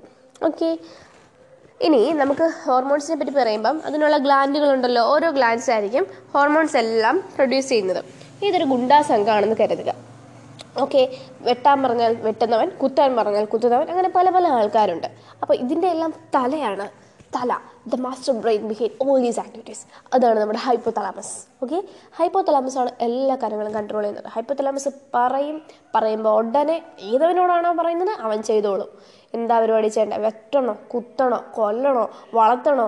എന്താന്ന് വെച്ചാൽ പ്രൊട്ടക്ഷന് കൊടുക്കും അല്ലെങ്കിൽ അവരെ വളർത്താനും സഹായിക്കും അതുപോലെ അവരെ കൊല്ലാനും സഹായിക്കും. അതായത് ഗ്രോ ചെയ്യിക്കാനും അല്ലെങ്കിൽ സ്റ്റിമുലേറ്റ് ചെയ്യാനും ഇൻഹിബിറ്റ് ചെയ്യാനുമുള്ള ഇൻസ്ട്രക്ഷൻസ് എല്ലാം കൊടുക്കുന്ന ആളാണ് നമ്മുടെ ഹൈപ്പോ തലാമസ് എന്ന് പറയുന്നത്. ഹൈപ്പോ തലാമസ് പേര് പോലെ തന്നെ തലയാണ് മാസാണ്. ഓക്കെ നമുക്ക് കാര്യത്തിലേക്ക് കിടക്കാം. അപ്പോൾ രണ്ട് തരത്തിലുള്ള എൻഡോക്രൈൻ ബോഡീസ് ആണ് നമ്മുടെ ഇതിനകത്തുള്ളത്. ഒന്നെന്ന് വെച്ച് കഴിഞ്ഞാൽ ഓർഗനൈസ്ഡ് എൻഡോക്രൈൻ ബോഡീസ് ഓർഗനൈസ്ഡ് ആയിട്ടുള്ള എൻഡോക്രൈൻ ബോഡീസും അല്ലാതെ നമ്മൾ സൈഡിലൂടെ പറഞ്ഞു പോകേണ്ട കുറച്ച് എൻഡോക്രൈൻ ഗ്ലാൻസും ഹോർമോൺസിനെ പ്രൊഡ്യൂസ് ചെയ്യുന്ന വേറെ വേറെ മെയിൻ ഫങ്ഷനുള്ള ഗ്ലാൻഡ് ഈ ഓർഗനൈസ്ഡ് എൻഡോക്രൈൻ ബോഡീസിന്റെ പ്രധാന ഫങ്ഷൻ തന്നെ ഈ പരിപാടി തന്നെയാണ്. ഹോർമോൺസിനെ ഉണ്ടാക്കുക എന്നുള്ളതാണ്. അതായത് നമുക്ക് വേറൊരു രീതി പറയുകയാണെങ്കിൽ പഠിച്ചിറങ്ങിയ അസൽ ഗുണ്ടകൾ അവരുടെ ഫുൾ ടൈം ഗുണ്ടകളായിരിക്കും. പക്ഷേ ബാക്കിയുള്ളവന്മാരോ സൈഡ് ബിസിനസ് വേറെ എന്തെങ്കിലും കാണും പക്ഷേ നമ്മുടെ തല വിളിച്ചു കഴിഞ്ഞാൽ ആ പണി ചെയ്യുകയും ചെയ്യും. അല്ലെങ്കിൽ അല്ലാതെ സൈഡിലൂടെ വെട്ടുകുത്തൊക്കെ ചെയ്യുകയും ചെയ്യും. അതുപോലെയാണ് ഇവരുടെയും കാര്യം. ഓർഗനൈസ്ഡ് എൻഡോക്രൈൻ ബോഡീസും ആയിരിക്കും ഉള്ളവരാണ് മെയിനായിട്ടുള്ളത് അല്ലാതെ ചെറിയ ചെറിയ കാര്യങ്ങൾ ചെയ്യുന്നവരുണ്ട്. അപ്പോൾ ഓർഗനൈസ്ഡ് എൻഡോക്രൈൻ ബോഡീസ് ആരൊക്കെയാണ്? Pituitary gland pineal gland thyroid അതിൽ തന്നെ പാരതൈറോയിഡ് നമുക്ക് ഉൾപ്പെടുത്താം. തൈമസ് ആൻഡ് ഗൊണാഡ്സ് ഓക്കെ അപ്പോൾ ഇങ്ങനെയുള്ളവരാണ്. ഗൊണാഡ്സ് എന്ന് പറയുമ്പോൾ നമുക്ക് അറിയാമല്ലോ തൈമസിനോടൊപ്പം തന്നെ പാൻക്രിയാസ് ഒക്കെ ഉണ്ട് കേട്ടോ pancreas parathyroid thymus and gonads അതായത് പിറ്റ്യൂട്ടറി ഗ്ലാൻഡ് നമ്മുടെ ആ ഫിഗർ നോക്കിക്കേ. എൻ സി ടി ടെക്സ്റ്റ് എടുത്തിട്ട് പേജ് നമ്പർ ത്രീ തേർട്ടി ടൂവിൽ ഫിഗർ ട്വന്റി ടു പോയിന്റ് വണ്ണിൽ എല്ലാ ഫിഗറും കൊടുത്തിട്ടുണ്ട്. നേരെ മുകളിലായിട്ട് നമുക്ക് പീനിയൽ ഗ്ലാൻഡ് കാണാം. ഹൈപ്പോത്തലാമസ് ഉണ്ട്. അതിന്റെ തൊട്ടിപ്പുറത്തായിട്ടൊരു മൈക്ക് പോലെ. ഹൈപ്പോത്തലാമസിന്റെ അടുത്തേക്ക് ഇരിക്കുന്ന ഒരു മൈക്ക് പോലെ ആരുണ്ട്? പീനിയൽ ഗ്ലാൻഡ് ഉണ്ട്. അതിന് തൊട്ട് താഴെ ഒരു കമ്പും കഷ്ണം പോലെ എന്തുണ്ട്? പിറ്റ്യൂട്ടറി ഉണ്ട് പിന്നെ അങ്ങോട്ട് ഇതാ നമ്മൾ നോക്കുമ്പോൾ ഒരു ഡമ്പൽ പോലത്തെ സാധനം. പക്ഷേ വേറെ എന്തോ ഒരു വൃത്തിയോട്ട ഷേപ്പാണ് അതിന്റെ ടോപ്പിൽ തൈറോയിഡ് ആൻഡ് പാരാതൈറോയിഡ് ഉണ്ട്. തൈറോയിഡും പാരാതൈറോയിഡും ഉണ്ട്. താഴെയായിട്ട് തൈമസും ഉണ്ട്. അപ്പോൾ ടോപ്പിൽ പാരാതൈറോയിഡും തൈറോയിഡും താഴെയായിട്ട് ആര്? തൈമസും ഉണ്ട്. ആ ഒരു ഡമ്പലിന്റെ രണ്ടറ്റമാണേ. പിന്നെ അവിടുന്ന് നേരെ താഴേക്ക് പോകുമ്പോൾ ഒരു ഉണങ്ങിയ ഇലയാണോ? അതോ വേറെ എന്തെങ്കിലും വൃത്തിയുടെ സാധനമാണോ? അങ്ങനെ ഒരു ഷേപ്പിൽ എന്തുണ്ട്? പാൻക്രിയസ് ഉണ്ട്. അതിന് എന്ത് ഷേപ്പ് കൊടുക്കാന്ന് പറഞ്ഞാൽ എല്ലാവരും ലീഫി സ്ട്രക്ചർ എന്നൊക്കെയാണ് പറയുന്നത്. സോ യാ ലീഫി സ്ട്രക്ചറിലുള്ള പാൻക്രിയസ് അവിടെ ഇരിപ്പുണ്ട്. പിന്നെ രണ്ട് അതായത് ഈ ബോക്സേഴ്സിന്റെയൊക്കെ ഗ്ലൗസ് പോലെയുള്ളൊരു സംഭവം ഉണ്ടല്ലോ കിഡ്നി എന്ന് തോന്നുന്നു. ഓക്കെ അതിന്റെ തൊട്ട് പിറകിലായിട്ട് എന്തുണ്ട്? അഡ്രിനൽ ഗ്ലാൻഡ് ഉണ്ട്. ഓക്കെ അഡ്രിനൽ ഗ്ലാൻഡുകളുണ്ട് പിന്നെ താഴെ ഗൊണാട്സ് ഉണ്ട്. ഗൊണാട്സ് എന്ന് പറയുമ്പോൾ ഫീമെയിൽ ലോവറിയും മെയിലിൽ ടെസ്റ്റിസുമാണ് അത് തിരിഞ്ഞു വരുതേ അപ്പം ഇത്രയാണ് നമ്മുടെ മെയിൻ ഓർഗനൈസ്ഡ് ആയിട്ടുള്ള എൻഡോക്രൈൻ ബോഡീസ് അല്ലാതെ ഓർഗനൈസ്ഡ് ആയിട്ടുള്ള ഇൻ അഡീഷൻ ടു ദോസ് അതായത് ഈ ഓർഗനൈസ് എൻഡോക്രൈൻ ബോഡീസിന് അഡീഷണൽ ആയിട്ട് നമ്മൾ വേറെ എന്തൊക്കെ നമുക്ക് പറയാം? ഗ്യാസ്ട്രോ ഇൻഡസ്ട്രിയൽ ട്രാക്ട് പറയാം ലിവർ പറയാം കിഡ്നി പറയാം ഹാർട്ട് പറയാം ഇവരെല്ലാം ഹോർമോൺ പ്രൊഡ്യൂസ് ചെയ്യുന്നുണ്ട്. പക്ഷേ ഇവരാരും ഓർഗനൈസ്ഡ് എൻഡോക്രൈൻ ബോഡീസ് അല്ല. അതായത് മെയിൻ ഫംഗ്ഷൻ എൻഡോക്രൈൻ അതായത് ഗ്ലാൻഡ് ഉണ്ടാക്കുക അല്ലെങ്കിൽ ഹോർമോൺ റിലീസ് ചെയ്യുക എന്നുള്ളതല്ല ഇവരുടെ ഒന്നും പരിപാടി. ഇതൊക്കെ സൈഡിലൂടെ വേണം ഇവരുടെ ജോലി എന്ന് പറയുന്നത്. അപ്പം മെയിനായിട്ട് നമ്മൾ ഇത്രയും പേരെയാണ് പറയുന്നത്. ഓർഗനൈസ്ഡ് എൻഡോക്രൈൻ ബോഡി എന്ന് പറയുന്നത് ഇത്രയും പേരെയാണ്. ഓക്കെ പിന്നെ നമ്മൾ നോക്കുകയാണെങ്കിൽ ഇതിന്റെ എല്ലാം തലവനാരാണ് ഹൈപ്പോതലാമസ് ഇത്രയും പറഞ്ഞു. അതാണ് ട്വന്റി ടു പോയിന്റ് ടൂവിൽ പറയുന്നത്. ഈ twenty two point two point വണ്ണിലുള്ളത് hypothalamus ആണ്. നമ്മളിനി ഓരോരുത്തർ ഓരോരുത്തരായിട്ട് പറഞ്ഞു പോവാണ്. ആദ്യം തന്നെ നമുക്ക് തലവിനിൽ നിന്ന് തന്നെ തുടങ്ങാം. ഹൈപ്പോതലാമസ് ഹൈപ്പോതലാമസ് എവിടെയാണ് സിറ്റുവേറ്റ് ചെയ്തിരിക്കുന്നത്? Basal part of diencephalon forebrain forebrain അല്ലെങ്കിൽ ഡൈൻസെഫലന്റെ ബേസൽ പാർട്ടിലായിട്ടാണ് ആരിയിരിക്കുന്നത് ഹൈപ്പോതലാമസ് സിറ്റുവേറ്റ് ചെയ്തിരിക്കുന്നത്. അപ്പോൾ നോക്കിയേ ഫോർ ബ്രെയിന്റെ ബേസൽ പാർട്ടിലായിട്ടാണ് ആരിയിരിക്കുന്നത് ഹൈപ്പോതലാമസ് ഇരിക്കുന്നത്. അപ്പോൾ അതിന്റെ ഒരു ചോട്ടിലൊക്കെ ആയിട്ട് വളരെ ഒരു ഹിഡൻ ആയിട്ടുള്ള ഒരു സ്പോട്ടിലാണ് നമ്മുടെ തലവനിരിക്കുന്നത് പെട്ടെന്നൊന്നും പോലീസൊന്നും പൊക്കരുതല്ലോ. Okay and regulates a wide spectrum of body function നമ്മുടെ ബോഡി ഫംഗ്ഷനിൽ ഒരുപാട് കാര്യങ്ങൾ കൺട്രോൾ ചെയ്യുകയും റെഗുലേറ്റ് ചെയ്യുകയും ഒക്കെ ചെയ്യുന്നത് ആരാണ്? നമ്മുടെ ഹൈപ്പോതലാമസ് ആണ്. അപ്പോൾ ഈ ഹൈപ്പോതലാമസത്തിന് ഹൈപ്പോതലാമസിൽ ഒരുപാട് ന്യൂറോ സെക്രട്ടറി സെൽസ് ഉണ്ട്. എന്തുണ്ട്? Neurosecretory cell. ഇങ്ങനെ ന്യൂറോ സെക്രട്ടറി സെല്ലേ ന്യൂറോ സെക്രട്ടറി സെല്ലേ എന്നിങ്ങനെ നീട്ടി വിളിക്കാൻ പറ്റാത്തതിനാൽ അവന്മാർക്ക് നമ്മളൊരു കുഞ്ഞു പേരിട്ടിട്ടുണ്ട് ന്യൂക്ലിയ. ഓക്കെ. ന്യൂക്ലിയ എന്ന് വിളിക്കും. ന്യൂറോ സെക്രട്ടറി സെല്ലിന്റെ പേരാണ് ന്യൂക്ലിയ. അവരാണ് ഹോർമോൺസിനെല്ലാം പ്രൊഡ്യൂസ് ചെയ്യുന്നത്. അപ്പോൾ എന്താണ്? ഹൈപ്പോതലാമസിനകത്ത് ഒരുപാട് ന്യൂറോ സെക്രട്ടറി സെൽസ് ഉണ്ട്. ആ ന്യൂറോ സെക്രട്ടറി സെൽസിന്റെ പേരാണ് ന്യൂക്ലിയ. ഇനി ഈ ഹോർമോൺസ് ഹൈപ്പോതലാമസ് പ്രൊഡ്യൂസ് ചെയ്യുമല്ലോ? അങ്ങനെ പ്രൊഡ്യൂസ് ചെയ്യുന്ന ഹോർമോൺസ് രണ്ട് ടൈപ്പാണ് റിലീസിങ് ഹോർമോണും ഇൻഹിബിറ്റിംഗ് ഹോർമോണും അതായത് നമ്മുടെ തലവൻ രണ്ട് തരത്തിലുള്ള ഇൻസ്ട്രക്ഷൻസ് ആണ് കൊടുക്കുന്നത്. വെട്ടണോ വളർത്തണോ കൊല്ലണോ ജീവിപ്പിക്കണോ? അപ്പം അതുപോലെയാണ് റിലീസിങ് ഹോർമോണും ഇൻഹിബിറ്റിംഗ് ഹോർമോണും അതായത് ഒരു കാര്യം റിലീസ് ചെയ്യാൻ പറഞ്ഞാൽ ആ ഒരു ഗ്ലാന്റിനോട് പറയുക ഓക്കെ നീ നിന്റെ ഇത് ഹോർമോൺ റിലീസ് ചെയ്തു എന്ന് പറഞ്ഞാൽ അവൻ റിലീസ് ചെയ്യും. ഇൻഹിബിറ്റ് ചെയ്തു എന്ന് പറഞ്ഞാൽ ആ റിലീസ് ചെയ്തുകൊണ്ടിരിക്കുന്ന ഹോർമോണിന്റെ റിലീസിങ് അവിടെ നിർത്തും. ഓക്കെ ഇൻഹിബിറ്റ് ചെയ്യപ്പെടും. അപ്പം അങ്ങനെ രണ്ട് കാര്യങ്ങളാണ് ആര് കൊടുക്കുന്നത്? ആര് ഇൻസ്ട്രക്ഷൻ കൊടുക്കുന്നത്? ഹൈപ്പോതലാമസ് ഇൻസ്ട്രക്ഷൻ കൊടുക്കുന്നത്. അപ്പം അങ്ങനെ രണ്ട് തരത്തിലുള്ള ഹോർമോൺസുമാണ് ഹൈപ്പോതലാമസിലുള്ളത് ഇനി ഹൈപ്പോതലാമിക് ഹോർമോൺ ഫോർ എക്സാമ്പിൾ നമ്മളൊരു ഉദാഹരണമായിട്ട് നമ്മൾ പറയുന്നത് എന്താണ്? ഹൈപ്പോതലാമസിലെ റിലീസിങ് ഹോർമോൺ ഉദാഹരണമായിട്ട് നമ്മൾ പറയുന്നത് ജി എൻ ആർ എച്ച് ആണ്. ഗൊണാഡോട്രോപ്പിൻ റിലീസിങ് ഹോർമോണാണ് നമ്മളിവിടെ എക്സാമ്പിളായിട്ട് പറയുന്നത്. അപ്പോൾ അവനോട് നമ്മൾ ഇൻസ്ട്രക്ഷൻ കൊടുക്കുകയാണ് റിലീസ് ചെയ്തോളൂ എന്ന് പറഞ്ഞു കഴിഞ്ഞാൽ അവൻ എന്ത് ചെയ്യും? പിറ്റ്യൂട്ടറി സ്റ്റിമുലേസ് ചെയ്തിട്ട് എന്ത് ചെയ്യും? Gonadotropin releasing hormone pituitary stimulate ചെയ്യുന്നു. അതുപോലെ ഗൊണാഡോട്രോപ്പിനെ റിലീസ് ചെയ്യുകയും ചെയ്യുന്നു ഇനി അതേസമയം ഇൻഹിബിറ്റിംഗ് ഹോർമോൺ ആണെങ്കിലോ അതിന് ഉദാഹരണം സൊമാറ്റോസ്റ്റാറ്റിൻ ആണ്. സൊമാറ്റോസ്റ്റാറ്റിൻ എന്നാൽ ഗ്രോത്ത് ഹോർമോൺ ആണ്. സൊമാറ്റോസ്റ്റാറ്റിൻ ഇൻഹിബിറ്റ് അല്ലെങ്കിൽ സൊമാറ്റോസ്റ്റാറ്റിൻ ആണ്. പുള്ളിക്കാരനെ നമ്മൾ റിലീസ് ചെയ്ത് കഴിഞ്ഞാൽ അവൻ എന്ത് ചെയ്യും? ഹൈപ്പോത്തലാമസിൽ നിന്ന് പോയിട്ട് അവനാണെങ്കിൽ ഗ്രോത്ത് ഹോർമോണിന്റെ റിലീസിനെ ഇൻഹിബിറ്റ് ചെയ്യും. കേട്ടോ? അപ്പോൾ ഹൈപ്പോത്തലാമസിൽ സ്റ്റൊമാറ്റോ സൊമാറ്റോ സൊമാറ്റോ ആട്ടോ സൊമാറ്റോ സ്റ്റാറ്റിനെ നമ്മൾ റിലീസ് ചെയ്യുകയാണെങ്കിൽ അവ എന്ത് ചെയ്യുന്നു? ഗ്രോത്ത് ഹോർമോണിന്റെ റിലീസിനെ ഇൻഹിബിറ്റ് ചെയ്യുന്നു. ഇതൊക്കെ ആരാണ്? നമ്മുടെ തലയുടെ ആൾക്കാരാണ് സൊമാറ്റോസ്റ്റാറ്റിനും അതുപോലെ ഗൊണാഡോട്രോപ്പിൻ റിലീസിങ് ഹോർമോണും എല്ലാം. ഇവരൊന്നെങ്കിൽ gonadotropin releasing hormone releasing hormone എക്സാമ്പിളാണ് സൊമാറ്റോസ്റ്റാറ്റിൻ ഇൻഹിബിറ്റിംഗ് ഹോർമോണിന് എക്സാമ്പിളാണ് നമ്മൾ കൂടുതലായിട്ട് നോക്കുകയാണെങ്കിൽ ഹൈപ്പോതലാമസ് പിറ്റ്യൂട്ടറി എങ്ങനെയാണ് കൺട്രോൾ ചെയ്യുന്നതെന്നാണ്. ആന്റീരിയർ പിറ്റ്യൂട്ടറിയും പോസ്റ്റീരിയർ പിറ്റ്യൂട്ടറി ഉണ്ടെന്നറിയാമല്ലോ ആന്റീരിയർ പിറ്റ്യൂട്ടറിയെ കൺട്രോൾ ചെയ്യുന്നതിന് വേണ്ടി പോർട്ടൽ സർക്കുലേറ്ററി സിസ്റ്റം ഉണ്ട്. പോർട്ടൽ സർക്കുലേറ്ററി സിസ്റ്റം വഴിയാണ് ആന്റീരിയർ പിറ്റ്യൂട്ടറിയെ കൺട്രോൾ ചെയ്യുന്നത്. എന്നാൽ പോസ്റ്റീരിയർ പിറ്റ്യൂട്ടറി എടുത്ത് അങ്ങനെ ഒരു സർക്കുലേറ്ററി സിസ്റ്റത്തിനൊന്നും ആവശ്യമില്ല. ഹൈപ്പോതലാമസ് ഡയറക്റ്റ് ആയിട്ട് പോസ്റ്റീരിയർ പിറ്റ്യൂട്ടറിയെ കൺട്രോൾ ചെയ്യുന്നുണ്ട്. ഓക്കെ പോസ്റ്റീരിയർ എന്ന് പറഞ്ഞാൽ എന്താണ്? പോസ്റ്റീരിയർ പിറ്റ്യൂട്ടറി എന്ന് പറഞ്ഞാൽ പിന്നിലുള്ള പിറ്റ്യൂട്ടറിയുടെ പിന്നിലുള്ള ഭാഗം. അപ്പം പിന്നിലുള്ള ഭാഗം പിന്നിൽ നിന്നൊക്കെ കുത്തിയാലോ ഗുണ്ടത്തലവന്മാരല്ലേ പിന്നിൽ നിന്ന് ചതിക്കും ബാഹുബലിയെ കട്ടപ്പ പിന്നിൽ കുത്തി കണക്ക് അപ്പം നമ്മൾ എന്ത് ചെയ്യണം? ഒരു ഡയറക്റ്റ് കൺട്രോൾ എപ്പോഴും അവിടെ വെച്ചേക്കണം. എങ്കിൽ മാത്രമേ നമുക്ക് എന്ത് ചെയ്യാൻ പറ്റത്തുള്ളൂ? എന്തെങ്കിലും ചതി എങ്ങാണം പിന്നിൽ നിന്ന് വരുന്നുണ്ടെങ്കിൽ അറിയാൻ പറ്റത്തുള്ളൂ. അതുകൊണ്ട് അങ്ങോട്ട് പോർട്ടൽ സർക്കുലേറ്ററി സിസ്റ്റം ഒന്നുമില്ല ഡയറക്റ്റ് കൺട്രോളാണ് ഹൈപ്പോത്തലാമസിനുള്ളത് എന്നാൽ ആന്റിജൻ പിറ്റ്യൂട്ടറിലേക്ക് എന്തെങ്കിലും ഹോർമോണിനെ അങ്ങോട്ട് അയക്കണമെങ്കിലോ എന്തെങ്കിലും സ്റ്റിമുലേറ്റ് ചെയ്യണമെന്ന് പോയി പറയണമെങ്കിലോ ഒക്കെ അതിന് വേണ്ടിയിട്ട് പോർട്ടൽ സർക്കുലേറ്ററി സിസ്റ്റം ഉണ്ട്. മുന്നിലോട്ടുള്ള കാര്യങ്ങൾ പറയാം. പക്ഷേ പിന്നിലോട്ടുള്ള കാര്യങ്ങൾക്കെല്ലാം ഡയറക്റ്റ് കൺട്രോളാണ് ഉള്ളത്. ഓക്കെ അത്രയാണ് ഹൈപ്പോതലാമസിനെ പറ്റി പറയാനുള്ളത്. ഇനി അടുത്ത പിറ്റ്യൂട്ടറി ഗ്ലാൻഡിനെ പറ്റിയാണ്. എന്താണ് പിറ്റ്യൂട്ടറി ഗ്ലാൻഡ് അല്ലെങ്കിൽ എവിടെയാണ് പിറ്റ്യൂട്ടറി ഗ്ലാൻഡ് ലൊക്കേറ്റ് ചെയ്തിരിക്കുന്നത്? പുള്ളിക്കാരെ ലൊക്കേറ്റ് ചെയ്തിരിക്കുന്നത് ഒരു ബോണി ക്യാവിറ്റിയിലാണ് ഓക്കെ ഒരു ബോൺ കൊണ്ടുണ്ടാക്കിയ ഒരു ക്യാവിറ്റിയാണ് ആ ക്യാവിറ്റിയുടെ പേരാണ് സെല്ല ടൂർസിക്ക അല്ലെങ്കിൽ ടർസിക്ക എന്ന് പറയാം. സെല്ല ടർസിക്ക ഓക്കെ അപ്പോൾ നമ്മൾ ഫിഗർ നോക്കിക്കേ. Figure twenty point two page number three three ത്രീയിലുള്ളത് figure twenty point ടുവിന്റെ ആ ഒരു എന്താണ് ഇതിനകത്ത് കൊടുത്തിരിക്കുന്നത്? Diagrammatic representation of pituitary and its relationship with hypothalamus നമ്മൾ ഈ ഡയഗ്രങ്ങൾ നന്നായിട്ട് പഠിച്ചാൽ മാത്രം പോരാ. ഈ ഡയഗ്രത്തിൽ എന്താണ് കൊടുത്തിരിക്കുന്നതെന്ന് പറഞ്ഞ് എൻ സി ടിയുടെ തൊട്ട് താഴെ ഫിഗർ ട്വന്റി പോയിന്റ് ടു എന്താണെന്ന് വെച്ചാൽ ഇങ്ങനെ കൊടുത്തേക്കും. ഒരു ഡിസ്ക്രിപ്ഷൻ കൊടുത്തേക്കും. ആ ഡിസ്ക്രിപ്ഷൻ പഠിച്ചോണം. കാരണം നീറ്റിൽ ഒരുപാട് വട്ടം ചോദിച്ചിട്ടുണ്ട്. ഒരു ഡയഗ്രം തന്നിട്ട് ആ ഡയഗ്രം എന്താ സൂചിപ്പിക്കുന്നത്? നമ്മൾ ജസ്റ്റ് പിറ്റുട്രി ആയിരുന്നോ? അങ്ങനെ എന്തെങ്കിലും ഒരു പേര് പറയാം. പക്ഷേ അതായിരിക്കില്ല. എക്സാക്റ്റ് ഒരു എന്താണെന്നൊരു ഡെഫിനേഷൻ എൻ സി ടിയിൽ കാണാം. അത് അതുപോലെ നമ്മൾ പഠിച്ചു വെച്ചിരിക്കണം അല്ലെങ്കിൽ അറിഞ്ഞിരിക്കണം. കാണാപ്പാടം പഠിക്കണം മനസ്സിലാക്കി പഠിച്ചിരുന്നാൽ മതി നമുക്ക് ഈ സ്ട്രക്ചർ നോക്കാം. അവിടെ എന്ത് നമുക്ക് ആദ്യം കാണാം? ആദ്യ ഗ്രേ പോർഷനുള്ളതാണ് ഹൈപ്പോതലാമസ് ഹൈപ്പോതലാമസിൽ നിന്ന് ആര് വരുന്നുണ്ട്? ഒരുപാട് ഹൈപ്പോതലാമിക് ന്യൂറോൺസ് വരുന്നുണ്ട്. അവനെയാണ് നമ്മൾ എന്തെന്ന് പറയുന്നത്? ന്യൂക്ലിയർ എന്ന് പറയുന്നത്. ഓക്കെ അപ്പോൾ അവന്മാർ എങ്ങോട്ടേക്ക് വരുന്നുണ്ട്? താഴേക്ക് വന്നു കഴിഞ്ഞാൽ നമുക്കൊരു എന്താ ചിക്കൻ കാൽ പോലത്തെയോ? അല്ലെങ്കിൽ ഒരു പീച്ച് ഷേപ്പിലുള്ള പീച്ച് പീച്ച് പീച്ചിന്റെ ഷേപ്പിലുള്ള ഒരു സ്ട്രക്ചർ കാണാം. അതിന്റെ ഒരു ലൈറ്റ് ഷെയ്ഡിൽ കൊടുത്തിരിക്കുന്നതാണ് പോസ്റ്റീരിയർ പിറ്റ്യൂട്ടറി ഇച്ചിരി ഡാർക്ക് ഷെയ്ഡിൽ ഒരു ഓറഞ്ചിന്റെ അല്ലി പോലെയൊക്കെ ഉള്ളിൽ കാണുന്നത്. അതായത് അതൊക്കെ പോർട്ടൽ സർക്കുലേഷനാണ് കേട്ടോ. അതേപോലെ കാണിച്ചിരിക്കുന്നതാണ് എന്തെന്ന് പറയുന്നത്? ആന്റീരിയർ പിറ്റ്യൂട്ടറി ഇപ്പോൾ ആന്റീരിയർ പിറ്റ്യൂട്ടറിയും പോസിറ്റീവ് പിറ്റ്യൂട്ടറിയും കണ്ടല്ലോ. ഹൈപ്പോത്തലാമസ് കണ്ടല്ലോ. ഹൈപ്പോത്തലാമിക് ന്യൂറോൺസ് വരുന്നത് കണ്ടല്ലോ. നോക്കിക്കേ ഒരു വലിയ ഹൈപ്പോത്തലാമിക് ന്യൂറോൺ ഡയറക്റ്റ് വന്നിട്ട് നമ്മുടെ പോസിറ്റീവ് പിറ്റ്യൂട്ടറിലേക്ക് കണക്ട് ചെയ്യുന്നില്ലേ? അതുകൊണ്ടാണ് പറയുന്നത് ഹൈപ്പോത്തലാമസിന് പോസിറ്റീവ് പിറ്റ്യൂട്ടറിയുടെ ഡയറക്റ്റ് കണക്ഷൻ ഉണ്ട് അല്ലെങ്കിൽ ഡയറക്റ്റ് കൺട്രോളാണ് അവിടെ ഉള്ളതെന്ന്. പക്ഷേ നോക്കിക്കേ ഞാൻ നേരത്തെ പറഞ്ഞായിരുന്നു ആന്റീരിയർ പിറ്റ്യൂട്ടറിക്ക് അത് ഒരു ഓറഞ്ചിന്റെ അല്ലി പോലെ അല്ലെങ്കിൽ ഓറഞ്ച് മുറിക്കുമ്പോൾ കാണുന്ന ഒരു സ്ട്രക്ചർ പോലെയൊക്കെ എന്തോ ഒരു സ്ട്രക്ചർ ഇങ്ങനെ ഇടയ്ക്കിടയ്ക്ക് ഒട്ടയൊക്കെ വീണ് കിടക്കുന്നുണ്ടല്ലേ? അതാണ് നമ്മുടെ പോർട്ടൽ സർക്കുലേഷൻ പോർട്ടൽ സർക്കുലേറ്ററി സിസ്റ്റത്തിന്റെ ഒരു പാർട്ടാണ്. അപ്പോൾ അതുവഴിയാണ് നമ്മൾ ആന്റീരിയർ പിറ്റ്യൂട്ടറി ഹൈപ്പോത്തലാമസ് കൺട്രോൾ ചെയ്യുന്നതെന്ന് പറഞ്ഞായിരുന്നു. അപ്പോൾ ഹൈപ്പോത്തലാമസിൽ നിന്ന് ഹൈപ്പോത്തലാമിക് ന്യൂറോൺ ആന്റീരിയർ പിറ്റ്യൂട്ടറിയിലേക്ക് പോകുന്നത് ഡയറക്റ്റ് ആയിട്ടല്ല പകരം പോർട്ടൽ സർക്കുലേറ്ററി സിസ്റ്റം വേണ്ടിയിട്ടാണ്. അപ്പോൾ ആ കാണുന്നതാണ് പോർട്ടൽ സർക്കുലേഷന്റെ സംഭവങ്ങൾ.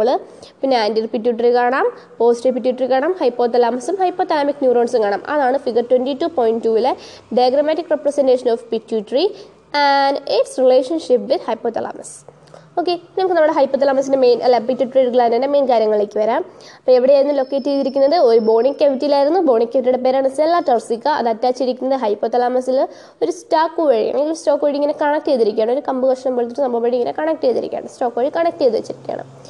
ഇനി ഈ പിറ്റ്യൂട്ടറി ഗ്ലാൻഡിനെ രണ്ടായിട്ട് തിരിച്ചിട്ടുണ്ട്. ഓക്കെ? അഡിനോ ഹൈപ്പോഫിസിസ് എന്നും ന്യൂറോ ഹൈപ്പോഫിസിസ് എന്നും നമുക്ക് പറയാം. എന്താണ് അഡിനോ ഹൈപ്പോഫിസിസും ന്യൂറോ ഹൈപ്പോഫിസും ഇങ്ങനെ രണ്ടായിട്ടാണ് നമ്മൾ പിറ്റ്യൂട്ടറി തിരിച്ചിരിക്കുന്നത്. അഡിനോ ഹൈപ്പോഫിസിസ് എന്ന് പറഞ്ഞാൽ എന്താണ്? പാർസ് ഡിസ്റ്റാലിസ് അതാണ് അഡിനോ ഹൈപ്പോഫിസിസ് രണ്ട് പാർട്ടുണ്ട് കേട്ടോ അഡിനോ ഹൈപ്പോഫിസിലുള്ള രണ്ട് ആദ്യത്തെ പാർട്ടാണ് പാർസ് ഡിസ്റ്റാലിസും രണ്ടാമത്തെ പാർട്ടാണ് പാർസ് ഇന്റർമീഡിയം ഞാൻ പറഞ്ഞു. പിറ്റ്യൂട്ടറിയിൽ രണ്ട് ഭാഗങ്ങളുണ്ട്. അഡിനോ ഹൈപ്പോഫിസിസും ന്യൂറോ ഹൈപ്പോഫിസിസും അഡിനോ ഹൈപ്പോഫിസിസിന്റെ അണ്ടറിൽ വരുന്ന രണ്ട് ഭാഗങ്ങളാണ് pars distalis pars intermedia pars ഡിസ്റ്റാലിസിന്റെ മറ്റൊരു പേരാണ് ആന്റീരിയർ പിറ്റ്യൂട്ടറി നമ്മൾ പറഞ്ഞില്ലേ നമ്മുടെ മുന്നിലോട്ട് കാണുന്ന പിറ്റ്യൂട്ടറി അതാണ് പാർസ് ഡിസ്റ്റാലിസ് അഥവാ ആന്റീരിയർ പിറ്റ്യൂട്ടറി ഇനി പാർസ് ഇന്റർമീഡിയ എന്ന് പറഞ്ഞാൽ നടുക്ക് കാണുന്ന ഭാഗം. ഓക്കെ ആ ഇന്റർമീഡിയ ഉണ്ട്. ഡിസ്റ്റാലിസ് ഉണ്ട്. മുന്നിലുള്ള ഭാഗവും നടുക്കുള്ള ഭാഗമാണ് അഡിനോ ഹൈപ്പോഫിസിസ് വരുന്നത്. ഇനി അടുത്ത ന്യൂറോ ഹൈപ്പോഫിസിസ് ആണ്. ന്യൂറോ ഹൈപ്പോഫിസിസിനകത്ത് വരുന്നത് എന്താണ്? പോസ്റ്റീരിയർ പിറ്റ്യൂട്ടറി ആണ്. ന്യൂറോ ബിസിസ് ഹൈപ്പോഫിസിനകത്ത് വരുന്നത് പോസ്റ്റീരിയർ പിറ്റ്യൂട്ടറിയാണ് അതുകൊണ്ട് തന്നെ ഒരാളല്ലേ വരുന്നുള്ളൂ. അപ്പോൾ നമുക്ക് ന്യൂറോ ഹൈപ്പോഫിസിസ് എന്ന് പറഞ്ഞാലോ അല്ലെങ്കിൽ പോസ്റ്റീരിയർ പിറ്റ്യൂട്ടറി എന്ന് പറഞ്ഞാലോ രണ്ടും പരസ്പരം അങ്ങോട്ടും ഇങ്ങോട്ടും അർത്ഥമുണ്ട്. ഓക്കെ ന്യൂറോ ഹൈപ്പോഫിസിസ് ഏതാണെന്ന് വെച്ചാൽ പോസ്റ്റീരിയർ പിറ്റ്യൂട്ടറി പോസ്റ്റീരിയർ പിറ്റ്യൂട്ടറി എന്ന് വെച്ചാൽ ന്യൂറോ ഹൈപ്പോഫിസിസ് ഇങ്ങനെ പറയാം കേട്ടോ. അപ്പം neurohypophysis also known as posterior pituitary നമുക്ക് പറയാം. മനസ്സിലായോ? പിറ്റ്യൂട്ടറി രണ്ടുണ്ട്. അഡിനോ ഹൈപ്പോഫിസിസും ന്യൂറോ ഹൈപ്പോഫിസും അഡിനോ ഹൈപ്പോഫിസിന്റെ അടിയിൽ രണ്ടെണ്ണം പാസ് ഡിസ്റ്റാളിസ് പാസ് ഇന്റർമീഡിയ ന്യൂറോ ഹൈപ്പോഫിസിന്റെ അടിയിൽ ഹൈപ്പോഫിസിസിന്റെ അടിയിൽ പോസ്റ്റീരിയർ പിറ്റ്യൂട്ടറി മാത്രമേ വരുന്നുള്ളൂ. അപ്പോൾ ഈ പാർസ് ഡിസ്റ്റാൻസിന്റെ പേരായിരുന്നു ആന്റീരിയർ റെപ്പിറ്റ്യൂട്ടറി അത് ഒത്തിരി ഹോർമോൺസിനെ അല്ലെങ്കിൽ ഒത്തിരി ഗ്ലാൻഡ് അല്ലെങ്കിൽ ഹോർമോൺസുകൾ അതിൽ നിന്നും വരുന്നുണ്ട്. പാർസ് ഇന്റർമീഡിയറ്റ് എന്ന് ഒരൊറ്റ ഒരാളേ ഉള്ളൂ. M S H melanocyte stimulating hormone പുള്ളിക്കാരന്റെ പരിപാടി എന്താണ്? നമ്മുടെ സ്കിൻ കളറൊക്കെ മെയിന്റെയിൻ ചെയ്യുക റെഗുലേറ്റ് ചെയ്യുന്നതാണ് എം എസ് എച്ചിന്റെ പരിപാടി. മെലനോസൈഡ് സ്റ്റിമുലേറ്റിംഗ് ഹോർമോൺ ഇനി പോസിറ്റീവ് പിറ്റ്യൂട്ടറിയിലുള്ളതോ അവിടെ രണ്ട് പേരാണ് ഓക്സിറ്റോസിനും വാസോപ്രസിനും അപ്പം കവറുടെ കാര്യം നോക്കുകയാണെങ്കിൽ രണ്ടുപേരും പോസ്റ്റീരിയർ പിറ്റ്യൂട്ടറി നിന്നാണ് വരുന്നതെങ്കിലും ഉണ്ടാക്കുന്നത് പോസ്റ്റീരിയർ പിറ്റ്യൂട്ടറി അല്ല. ആരാണ്? ഹൈപ്പോത്തലാമസ് ആണ്. പുറത്തേക്ക് വരുന്നത് നമ്മുടെ ഈ neuro hypophysis part of pituitary ആണെന്നേ ഉള്ളൂ. അതായത് പോസ്റ്റീരിയർ പിറ്റ്യൂട്ടറി എന്നാണെന്നേ ഉള്ളൂ. അപ്പം എന്തൊക്കെയാണ്? ഓക്സിറ്റോസിന് വാസോപ്രസിനും അല്ലേ? ഓക്സിറ്റോസിന്റെ പരിപാടി എന്താണ്? പുള്ളിക്കാരന് സ്മൂത്ത് മസിൽസിന്റെ പരിപാടികളാണുള്ളത്. ഓക്സിറ്റോസിന്റെ ഓ കണ്ടില്ലേ? എന്ത് സ്മൂത്ത് ആയിട്ടാണ് ഇരിക്കുന്നത്? വല്ല മുനമ്പുകളോ കൂർപ്പുകളോ അതിനുണ്ടോ? ഉണ്ടോ? ഒരിക്കലുമില്ല. ആർ എന്നൊക്കെ ഉള്ള അക്ഷരത്തിനൊക്കെ ഒരൊറ്റ കുത്തുണ്ട്. അവിടെ ഒരു കുത്തുണ്ട് എഫ് ഒക്കെ ആണെങ്കിൽ ഒരു ബലൂണിലോട്ടൊക്കെ കൊണ്ട് കുത്തി കഴിഞ്ഞാൽ തന്നെ എഫ് ഒരു കമ്പി കഷ്ണമാണെന്ന് കരുതി. ഒരു കമ്പി കഷ്ണം വിളിച്ച് എഫിന്റെ ഷേപ്പിൽ വെച്ചിരിക്കുകയാണെങ്കിൽ അതിന്റെ അറ്റം എല്ലാം കുറുത്ത് കുറുത്തിരിക്കുകയല്ലേ? അപ്പോൾ നമ്മളൊരു ബലൂണിലോ അല്ലെങ്കിൽ എന്തെങ്കിലും എയർ നിറച്ച സംഭവത്തിലൊക്കെ നമ്മളിങ്ങനെ വെച്ച് കുത്തുവാണെങ്കിൽ ആ കമ്പി കഷ്ണം കാരണം ബലൂൺ പൊട്ടില്ലേ? അതുപോലെയാണ് നമ്മുടെ ഓ ഓ ഷേപ്പിലുള്ള ഒരു വളയോ അല്ലെങ്കിൽ എന്തെങ്കിലും റിങ്ങോ നമ്മൾ എടുത്തിട്ട് വളരെ സ്മൂത്ത് അല്ലേടോ എന്റെ ചുറ്റും? അതുപോലെയാണ് പറയുന്നത്. ഞാൻ ഒരു ഉദാഹരണം പറഞ്ഞു ഓക്സിറ്റോക്സിന്റെ ഓ എച്ച് നമുക്ക് പറയാം. ഓ ഓക്സിറ്റോസിൻ കൺട്രോൾ ചെയ്യുന്നത് സ്മൂത്ത് മസിൽസിന്റെ കോൺട്രാക്ഷനാണ് സ്മൂത്ത് മസിൽസിന്റെ കോൺട്രാക്ഷനാണ് ആര് കൺട്രോൾ ചെയ്യുന്നത്? ഓക്സിറ്റോസിൻ അപ്പം അങ്ങനെയുള്ള സ്മൂത്ത് മസിൽസ് ഉള്ള ഒരു ഭാഗമാണ് യൂട്രസ് യൂട്രസ് കോൺട്രാക്ഷൻ അതായത് ചൈൽഡ് ബർത്തിന്റെ സമയത്ത് പ്രസവ സമയത്ത് യൂട്രസിന് ഭയങ്കര എക്സസീവ് ആയിട്ട് അത് കോൺട്രാക്ട് ചെയ്യും. ആ ഒരു ടൈമിൽ ഓക്സിറ്റോസിനാണ് റിലീസ് ചെയ്യുന്നത്. ഓക്സിറ്റോസിനാണ് ഹെൽപ്പ് ചെയ്യുന്നത് യൂട്രസിനകത്ത് നിന്ന് ബേബിക്ക് പുറത്ത് വരാനായിട്ട്. അതുപോലെ തന്നെ മാമറി ഗ്ലാൻസിന്റെ മിൽക്ക് ഇജക്ഷൻ മിൽക്ക് ഇജക്ഷൻ പ്രോസസ്സിലും ഓക്സിഡോസിൻ കൺട്രോൾ ചെയ്യുന്നുണ്ട്. അല്ലെങ്കിൽ ഒരു ഹെൽപ്പ് ചെയ്യുന്നുണ്ട്. അല്ലെങ്കിൽ അവിടെയൊക്കെയാണ് ഓക്സിഡോസിന് റോൾ ഉള്ളത്. എവിടെയൊക്കെയാണ് ചൈൽഡ് ബർത്തിന്റെ സമയത്തും അതായത് പാർശ്വേഷന്റെ സമയത്തും അതുപോലെ മിൽക്ക് ഇജക്ഷന്റെ ടൈമിലും അപ്പോൾ ഇങ്ങനെയുള്ള ടൈമിലൊക്കെ സ്മൂത്ത് മസിൽസിന്റെ കോൺട്രാക്ഷൻ വേണ്ടി സഹായിക്കുന്ന ആളാണ് നമ്മുടെ neuro hypophysis also known as പിറ്റ്യൂട്ടറിയിൽ നിന്നും വരുന്ന ഓക്സിറ്റോസിൻ ഇനി അടുത്ത പിറ്റ്യൂട്ടറിയിലെ തന്നെ ന്യൂറോ ഹിപ്പോഫിസിലെ തന്നെ പോസ്റ്റർ പിറ്റ്യൂട്ടറി പാർട്ടിലെ തന്നെ വാസോ പ്രോസിനെ പറ്റിയാണ് പഠിക്കാൻ പോകുന്നത് വാസോ പ്രോസിനെ മറ്റൊരു പേര് എന്താണെന്നറിയാമോ A D H anti diuretic hormone എന്തുകൊണ്ടാണ് അങ്ങനെ പറയുന്നത്? കാരണം വാസോപ്രസിൻ ഡയറക്റ്റ് ആയിട്ട് കൺട്രോൾ ചെയ്യുന്നത് കിഡ്നിയാണ് കിഡ്നിയിലെ വാട്ടർ റിസോപ്ഷനെയാണ് കൺട്രോൾ ചെയ്യുന്നത്. റീ അബ്സോപ്ഷനെയാണ് ആര് കൺട്രോൾ ചെയ്യുന്നത്? കിഡ്നിയിലെ വാസോപ്രസിൻ കൺട്രോൾ ചെയ്യുന്നത്. കിഡ്നിയുടെ വാസോപ്രസിൻ അല്ല വാസോപ്രസിൻ കൺട്രോൾ ചെയ്യുന്നത്. അപ്പോൾ എന്താണ് വാട്ടർ അബ്സോപ്ഷൻ അതായത് നമ്മുടെ മൂത്രത്തിലൊക്കെയുള്ള യൂറിൻ വരാൻ പോകുന്ന വെള്ളത്തിന്റെ എമൗണ്ട് മാക്സിമം റെഡ്യൂസ് ചെയ്യുക. യൂറിൻ കോൺസെൻട്രേറ്റഡ് ആയിട്ട് അല്ലാതെ അങ്ങനെ കോൺസെൻട്രേറ്റഡ് ഒരു മീഡിയം ലെവൽ കോൺസെൻട്രേറ്റഡ് ആയിട്ട് പുറത്തേക്ക് വിടുക. ആ പരിപാടിയാണ് വാസോപ്രസിന്റെ അപ്പോൾ അങ്ങനെ എന്ത് ചെയ്യാൻ പറ്റും? നമ്മുടെ ബോഡിയിലുള്ള വാട്ടർ കണ്ടന്റിന്റെ എമൗണ്ട് നമുക്ക് കൺസർവ് ചെയ്യാൻ പറ്റും. അല്ലെങ്കിൽ എന്ത് സംഭവിക്കും? ഡയോറസിസ് സംഭവിക്കും. ഡയോറസിസ് എന്ന് പറഞ്ഞാൽ ഒരുപാട് വാട്ടർ നമ്മുടെ യൂറിന്റെ കൂടെ അങ്ങ് നഷ്ടപ്പെടും. അതാണ് ഡയൂറസ് എന്ന് പറയുന്നത്. അപ്പോൾ അത് പ്രിവെന്റ് ചെയ്യാൻ വേണ്ടി നമ്മളെ വാസപ്രസിൻ സഹായിക്കും. ആന്റി ഡൈയൂററ്റിക് ഹോർമോണാണ് വാസപ്രസിൻ മനസ്സിലായല്ലോ? ഇനി എങ്ങാനും ഈ എ ഡി എച്ചിന്റെ എമൗണ്ട് കുറഞ്ഞാലോ? അതായത് വാസപ്രസിൻ റിലീസ് ചെയ്യുന്നത് കുറഞ്ഞാലോ? എന്ത് സംഭവിക്കും? ഡയബറ്റിസ് ഇൻസിപ്റ്റസ് വരും. ഡയൂറസിസ് ഒക്കെ വന്നിട്ട് ലാസ്റ്റ് എന്ത് വരും? ഡയബറ്റിസ് ഇൻസിപ്റ്റസ് വരും. മനസ്സിലായോ? അതാണ് വാസപ്രസിന്റെ പ്രശ്നം. പിന്നെ അടുത്തത് ആന്റിന പിറ്റ്യൂട്ടറി ഹോർമോണാണ് നമ്മൾ ഇത്രയും നേരം പറഞ്ഞത് എന്താണ്? ആദ്യമേ നമ്മൾ അഡനോ ഹൈപ്പോഫിസിലെ പാസ് ഇന്റർമീഡിയറ്റ് കാര്യം പറഞ്ഞു. പാസ് ഡിസ്റ്റാൾസും പാസ് ഇന്റർമീഡിയ ഉണ്ട്. അതിൽ pars intermedia M S H അതല്ലെങ്കിൽ മെലനോസൈറ്റ് സ്റ്റിമുലേറ്റിംഗ് ഹോർമോണാണ് റിലീസ് ചെയ്യുന്നതെന്ന് പറഞ്ഞു. പിന്നെ ന്യൂറോ ഹൈപ്പോഫിസിലേക്കാണ് നമ്മൾ കടന്നത്. അതായത് പോസിറ്റീവ് പിറ്റ്യൂട്ടറി അവിടെ ഓക്സിഡോസിനും വാസോപ്രോസിനും ഉണ്ടായിരുന്നു. രണ്ടുപേരുടെ കാര്യം നമ്മൾ പറഞ്ഞു. രണ്ടുപേരെയും ഉണ്ടാക്കുന്നത് ഹൈപ്പോതലമസ് ആണ്. സെക്രീറ്റ് ചെയ്യുന്നത് പോസിറ്റീവ് പിറ്റ്യൂട്ടറി ആണെങ്കിലും അതായത് പോസിറ്റീവ് പിറ്റ്യൂട്ടറി വഴിയാണ് അത് കൺട്രോൾ ചെയ്യപ്പെടുന്നതെങ്കിലും ഉണ്ടാക്കുന്നത് ആരാണ്? ഹൈപ്പോതലാമസ് ആണ്. പിന്നെ നമ്മൾ ഇനി പറയാനുള്ളത് പാർസ് ഡിസ്റ്റാൽസിനെ പറ്റി മാത്രമാണ്. അഡിനോ ഹൈപ്പോഫേസിസിലെ പാർസ് ഡിസ്റ്റാൽസിനെ പറ്റിയാണ് നമ്മളിനി പറയാനുള്ളത്. ആന്റി പിറ്റ്യൂട്ടറിയാണ് പാർസ് ഡിസ്റ്റാലിസ് എന്ന് പറയുന്നത്. ഓക്കെ അതെന്തൊക്കെ ഹോർമോൺസാണ് ഉണ്ടാക്കുന്നത്? ഒരു ഒന്ന് രണ്ട് മൂന്ന് നാല് അഞ്ച് അഞ്ചാറെണ്ണം ഉണ്ടാക്കുന്നുണ്ട്. അപ്പോൾ ആദ്യത്തെ ആളാണ് ഗൊണാഡോ. ഷെ ഗൊണാഡോട്രോപ്പ് എന്ന് ഗ്രോത്ത് ഹോർമോൺ ജി എച്ച് എന്ന് പറയും. ഗ്രോത്ത് ഹോർമോണിന്റെ പ്രത്യേകത എന്താണ്? ഗ്രോത്തിന് വേണ്ടി സഹായിക്കുന്നു. സിമ്പിൾ കൂടിപ്പോയാൽ ജജാനിസം. കുറഞ്ഞു പോയാൽ ഡ്വാഫിസം കൂടിപ്പോയാൽ എന്ത് സംഭവിക്കും? ആളങ്ങ് വമ്പനാകും. ഗ്രോത്ത് ഹോർമോൺ നിൽക്കുകയൊന്നുമില്ല അങ്ങ് വീണ്ടും വീണ്ടും വന്നുകൊണ്ടിരിക്കും. ആൾ വളർന്നുകൊണ്ടേയിരിക്കും. ഇനി ഗ്രോത്ത് ഹോർമോൺ റിലീസ് ചെയ്യുന്നില്ല. നിന്ന് പോയി അപ്പോൾ എന്ത് സംഭവിക്കും? ഡ്വാർഫിസം സംഭവിക്കും. ഇനി ഒരു മിഡിൽ ഏജ് സമയത്തൊക്കെ ആകുമ്പോഴത്തേക്കും ഗ്രോത്ത് ഹോർമോൺ എന്ത് ചെയ്യും? നല്ല കൂടുതലായിട്ട് റിലീസ് ചെയ്യാൻ തുടങ്ങും. അതെന്ത് ചെയ്യും? നമ്മളെ സിവിയറായിട്ട് അഫക്റ്റ് ചെയ്യും ചെയ്യും. നമ്മുടെ ശരീരത്തിന് ഡിസ്ഫിഗർമെന്റ് വരാം. ശരീരത്തിന്റെ ആകൃതിക്കും ഘടനയ്ക്കും എല്ലാം മാറ്റം വരാം. പ്രത്യേകിച്ച് മുഖത്തിന്റെ ഘടന മൊത്തത്തിലൊന്ന് മാറാൻ സാധ്യതയുണ്ട്. ഡിസ്ഫിഗർമെന്റ് സംഭവിക്കാൻ സാധ്യതയുണ്ട്.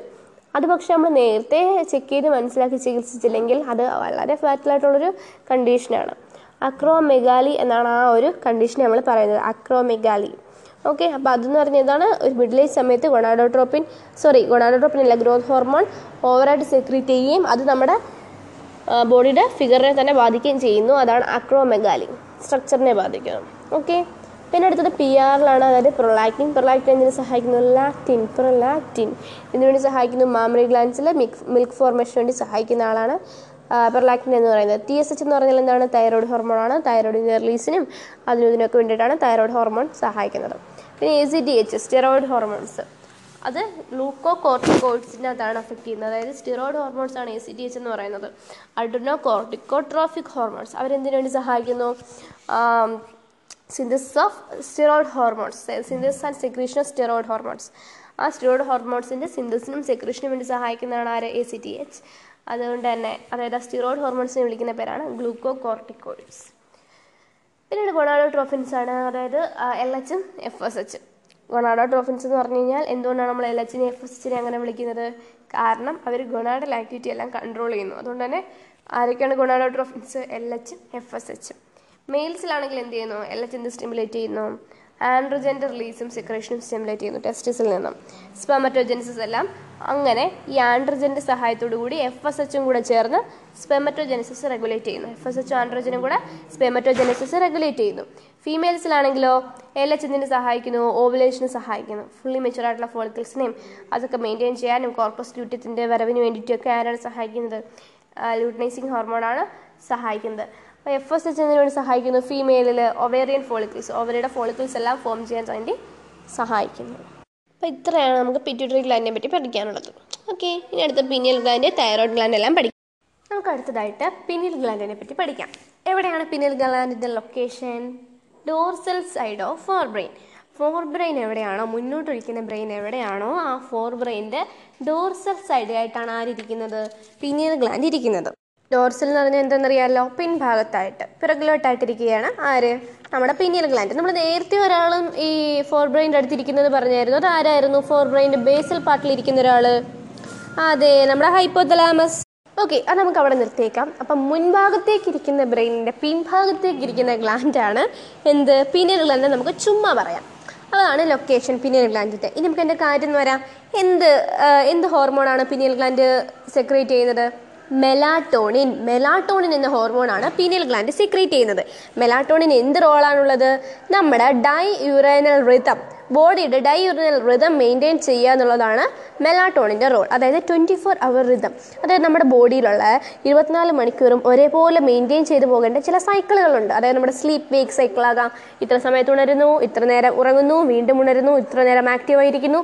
നമുക്കൊരു സൈക്കിളുണ്ട് നമ്മുടെ ബോഡിക്ക് നമ്മൾ പോലും അറിയാം നമ്മുടെ ബോഡി കീപ്പ് ചെയ്തിരിക്കുന്ന ഒരു സൈക്കിളുണ്ട് ആ ഒരു സൈക്കിൾ കീപ്പ് ചെയ്യുക അത് മെയിന്റെയിൻ ചെയ്യുക എന്നുള്ളത് മെലാട്ടോണിന്റെ പരിപാടിയാണ്. അങ്ങനെ ഒരുപാട് സൈക്കിളുണ്ട് ബോഡി ടെമ്പറേച്ചർ ആവാം അല്ലെങ്കിൽ നമ്മുടെ മെൻസ്ട്രൽ സൈക്കിൾ ആകാം മെറ്റബോളിസം പിഗ്മെന്റേഷൻ അതുപോലെ തന്നെ നമ്മുടെ ഡിഫൻസ് കേപ്പബിലിറ്റി അടക്കം എല്ലാ കാര്യങ്ങളും കൺട്രോൾ ചെയ്യുന്ന ആരാണ്? മെലാട്ടോണിനാണ് അപ്പോൾ എന്തൊക്കെ കാര്യങ്ങളാണ്? Diurnal rhythm sleep wake cycle body temperature metabolism pigmentation menstrual cycle defence capability അടുത്തിട്ട് നമുക്ക് പഠിക്കാനുള്ളത് തൈറോയിഡ് ഗ്ലാൻഡിനെ പറ്റിയിട്ടാണ്. തൈറോയിഡ് ഗ്ലാൻഡിന് പ്രധാനമായിട്ടും രണ്ട് ലോബുണ്ട് ആ രണ്ട് ലോബും ട്രക്കിയുടെ ഏതൊരു സൈഡിലായിട്ടാണ് ഇരിക്കുന്നത്? രണ്ട് ലോബും ട്രക്കിയുടെ ഏതൊരു സൈഡിലായിട്ടിരിക്കും? ആ രണ്ട് ലോബുകളെയും തമ്മിൽ കണക്ട് ചെയ്തുകൊണ്ട് ഒരു thin flap of connective tissue ഉണ്ട്. എന്താണ്? ആ രണ്ട് ലോബുകളെയും കണക്ട് ചെയ്തുകൊണ്ട് ഒരു thin flap of connective tissue ഉണ്ട്. ആ കണക്റ്റീവ് ടിഷ്യൂന്റെ പേരാണ് ഇസ്തുമസ് ഓക്കെ ഇസ്തുമസ് എന്നാണ് പറയുന്നത്. നമുക്ക് നോക്കാം. ആ ഫിഗർ നോക്കിക്കേ. Page number three three ഫോറിലെ figure twenty twenty point two twenty two point ത്രീയിലെ ആദ്യത്തെ എ എ ഫിഗർ നോക്കി നമുക്ക് കാണാം. വോക്കൽ കോഡും മുകളിലെ വോക്കൽ കോഡും താഴെ ട്രക്കിയും കാണാം. വോക്കൽ കോഡ് കണ്ടോ? ആ ഒരു വെസൽ ഷേപ്പിലിരിക്കുന്നതാണ് വോക്കൽ കോഡ് ഒരു ഫണൽ ഷേപ്പിലിരിക്കുന്നത് വോക്കൽ കോഡും താഴേക്ക് റിംഗ് റിംഗ് സ്ട്രക്ചർ ഉള്ളത് ട്രക്കിയും അതിന്റെ രണ്ടിന്റെ സൈഡിലായിട്ട് അതായത് ട്രക്കിയുടെ ഏതർ സൈഡിലായിട്ട് കാണപ്പെടുന്നതാണ് തൈറോയിഡ് അതിന്റെ ഇടയിലുള്ളതാണ് നമ്മൾ കണക്റ്റീവ് ടിഷ്യൂ എന്ന് പറഞ്ഞ ഇസ്തമസ് അപ്പോൾ അതാണ് ലൊക്കേഷൻ വൈസ് നമുക്ക് പറയാനുള്ളത്. ഇനി ഇതിനെ എന്താണ് കമ്പോസ് ചെയ്തിരിക്കുന്നത്? തൈറോയിഡ് ഗ്ലാൻഡിൽ ഉണ്ടാക്കിയിരിക്കുന്നത് എന്തൊക്കെ കൊണ്ടാണ്? ഫോളിക്കിൾസും സ്ട്രോമൽ ടിഷ്യൂ ഉപയോഗിച്ചിട്ടാണ്. എന്തൊക്കെയാണ്? ഫോളിക്കിൾസും സ്ട്രോമൽ ടിഷ്യൂ സ്ട്രോമൽ ടിഷ്യൂ അവിടെ നിൽക്കട്ടെ. ഫോളിക്കിൾസിനെ നമുക്ക് ഡീപ്പായിട്ട് നോക്കാം. ഫോളിക്കിൾസിനെ ഉണ്ടാക്കിയിരിക്കുന്നത്. തൈറോയിഡിനെ ഉണ്ടാക്കിയിരിക്കുന്നത് സ്ട്രോമൽ ടിഷ്യൂ ഫോളിക്കിൾസും കൊണ്ടാണ്. ഫോളിക്കിൾസിനെ ഉണ്ടാക്കിയിരിക്കുന്നത് എന്തുകൊണ്ടാണ്? ഫോളിക്കുലർ സെൽസും ക്യാവിറ്റി ഉപയോഗിച്ചിട്ടാണ്. ഫോളിക്കുലർ സെൽസ് എൻക്ലോസും ക്യാവിറ്റി അതായത് ക്യാവിറ്റി ഉണ്ട്. ആ ക്യാവിറ്റി അടച്ചുകൊണ്ട് എന്തുണ്ട്? ഫോളിക്കുലർ സെൽസ് ഉണ്ട്. ഈ ഫോളിക്കുലർ സെൽസ് രണ്ട് ടൈപ്പ് സംഭവങ്ങൾ ഉണ്ടാകും അതായത് രണ്ട് ടൈപ്പ് ഹോർമോൺ സിന്തസൈസ് ചെയ്യും. ടി ഫോറും ടി ത്രീയും ടി ഫോർ എന്ന് പറയുമ്പോൾ തൈറോക്സിൻ അഥവാ tetra iodo thyronine tetra iodo thyronine അല്ലെങ്കിൽ തൈറോക്സിൻ ടി ഫോർ എന്നാണ് നമ്മളതിനെ പറയുന്നത്. ഇതാണ് ആദ്യം ഉണ്ടാക്കുന്ന ഹോർമോൺ രണ്ടാമത് ഉണ്ടാക്കുന്ന hormone T three T four tetra iodo thyronine ആണെങ്കിൽ ടി ത്രീ എന്തായിരിക്കും? ട്രൈ ഐഡോ തൈറോണിൻ അപ്പോൾ ടെട്ര ഐഡോ തൈറോണിനെയും ട്രൈ ഐഡോ തൈറോണിനെയും ആര് ഉണ്ടാക്കും? നമ്മുടെ ഫോളിക്കിനകത്തുള്ള ഫോളിക്കുലാർ സെൽസ് സിന്തസൈസ് ചെയ്തെടുക്കും. രണ്ട് ഹോർമോൺസ് ആണ്. അപ്പം തൈറോയിഡിനകത്തുള്ള ഫോളിക്കിൾസിനകത്തുള്ള ഫോളിക്കുലർ സെൽസ് സിന്തസൈസ് ചെയ്യുന്ന രണ്ട് ഹോർമോണാണ് ടെട്രൈഡോ തൈറോണിനും ട്രൈ ഐഡോ തൈറോണിനും ഇനി ഈ തൈറോയ്ഡ് ഗ്ലാൻഡിന് പ്രവർത്തിക്കണമെങ്കിൽ എന്തിന്റെ ആവശ്യമുണ്ട്? അയഡിൻ വേണം. അയഡിൻ നമ്മുടെ ശരീരത്തിൽ എസെൻഷ്യൽ എമൗണ്ടിൽ ഇല്ലെങ്കിൽ എന്ത് ചെയ്യാൻ പറ്റത്തില്ല തൈറോയ്ഡ് ഗ്ലാൻഡിന് പ്രവർത്തിക്കാൻ പറ്റില്ല. അപ്പം എന്ത് സംഭവിക്കും? അയഡിൻ ആവശ്യത്തിന് ഇല്ലാന്ന് കരുതുക. അപ്പം ഹൈപ്പോ തൈറോയിഡ്സ് ഉണ്ടാകും. അയഡിൻ തോനെയാണെങ്കിലോ ഹൈപ്പർ തൈറോയിഡ്സ് ഉണ്ടാകും. നമുക്ക് ഹൈപ്പോ തൈറോയിഡ്സ് എന്താ നോക്കാം? ഹൈപ്പോ തൈറോയിഡിസം എന്ന് പറഞ്ഞാൽ അയഡിന്റെ അയഡിന്റെ എമൗണ്ട് കൂടുതലായിട്ട് കിട്ടുന്നില്ലെങ്കിൽ ഹൈപ്പോ തൈറോയിഡിസം ഉണ്ടാകും. അപ്പോൾ എന്ത് സംഭവിക്കും?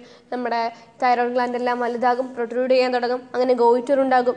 അല്ലെങ്കിൽ ക്രെറ്റിനിസം ഉണ്ടാകും. ക്രെറ്റിനിസം എന്ന് പറഞ്ഞാൽ ഈ ഹൈപ്പോ തൈറോയിഡിസം മൂലം ഹൈപ്പോ തൈറോയിഡിസം ഒരു പ്രഗ്നന്റ് ലേഡിക്കാണ് ഉണ്ടാകുന്നതെങ്കിൽ അവർക്ക് ജനിക്കാൻ പോകുന്ന കുഞ്ഞിന് ഒരുപാട് പ്രശ്നങ്ങളുണ്ടാകും അതിലൊന്നാണ് സ്റ്റാൻഡേർഡ് ഗ്രോത്ത് നീളമൊക്കെ അങ്ങ് കുറഞ്ഞു പോകും. സ്റ്റാൻഡേർഡ് ഗ്രോത്ത് ആയിരിക്കും. അതിനെ നമ്മൾ ക്രെറ്റിനിസം എന്ന് പറയും. ഡ്വാർഫിസം അല്ല ക്രെറ്റിനിസം ഉണ്ടാകും. അതുപോലെ മെന്റൽ റിട്ടാർഡേഷൻ മാനസികമായിട്ട് ആ കുട്ടി പിന്നിലായിരിക്കും ലോ ഐക്യു ആയിരിക്കും ഇന്റലിജന്റ് കോഷ്യന്റ് വളരെയധികം കുറവായിരിക്കും. അബ്നോർമൽ ആയിട്ടുള്ള സ്കിന്നായിരിക്കും അവരുടെ തൊലിക്ക് ഒരു എന്താ പറയുക സ്വാഭാവികതയല്ല അസ്വാഭാവികതയായിരിക്കും കാണപ്പെടുക. ഡെഫ് ആയിരിക്കും. ഓക്കെ ഡെഫ് മ്യൂട്ടീസൊക്കെ ഉണ്ടാകാൻ സാധ്യതയുണ്ട്. കേൾവിക്ക് തകരാറുണ്ടാകാൻ സാധ്യതയുണ്ട്. ഇനി അടുത്തത് ഇനി അത് ഇതേ സംഭവം. അതായത് ഈ ഹൈപ്പോ തൈറോയിഡിസം ഒരു മുതിർന്ന സ്ത്രീക്കാണ് വരുന്നതെങ്കിലോ നമ്മൾ എന്തൊക്കെ കേസ് പറഞ്ഞു? പൊതുവെ വരികയാണെങ്കിൽ ഗോയിട്ടർ വരും പ്രഗ്നന്റ് ലേഡിക്കാണെങ്കിൽ അവരുടെ കുഞ്ഞിന് വരാവുന്ന പ്രശ്നങ്ങളെ പറ്റി പറഞ്ഞു. ഇനി ഒരു മുതിർന്ന സ്ത്രീക്കാണ് വരുന്നതെങ്കിൽ പ്രഗ്നന്റ് ഒന്നും അല്ലാത്തൊരു സ്ത്രീക്കാണെങ്കിൽ അവർക്ക് ഇറഗുലർ ആയിട്ടുള്ള മെൻസ്ട്രൽ സൈക്കിൾ വരും. അവരുടെ ആർത്തവ ചക്രം ഇറഗുലർ ആയി പോകും. ഓക്കെ ഇനി ഹൈപ്പർ തൈറോയിഡിസത്തെ പറ്റി നോക്കാം. നമ്മൾ ഇത്ര ഹൈപ്പോ തൈറോയിഡിസത്തെ പറ്റി പറഞ്ഞു. ഹൈപ്പർ തൈറോയിഡിസം ഉണ്ടാകാനുള്ള കാരണം രണ്ടാണ്. ഒന്നെങ്കിൽ തൈറോയിഡ് ഗ്ലാൻഡിൽ ക്യാൻസർ ഉണ്ടാകാം. ക്യാൻസറസ് സെൽസ് ഫോം ചെയ്യാം.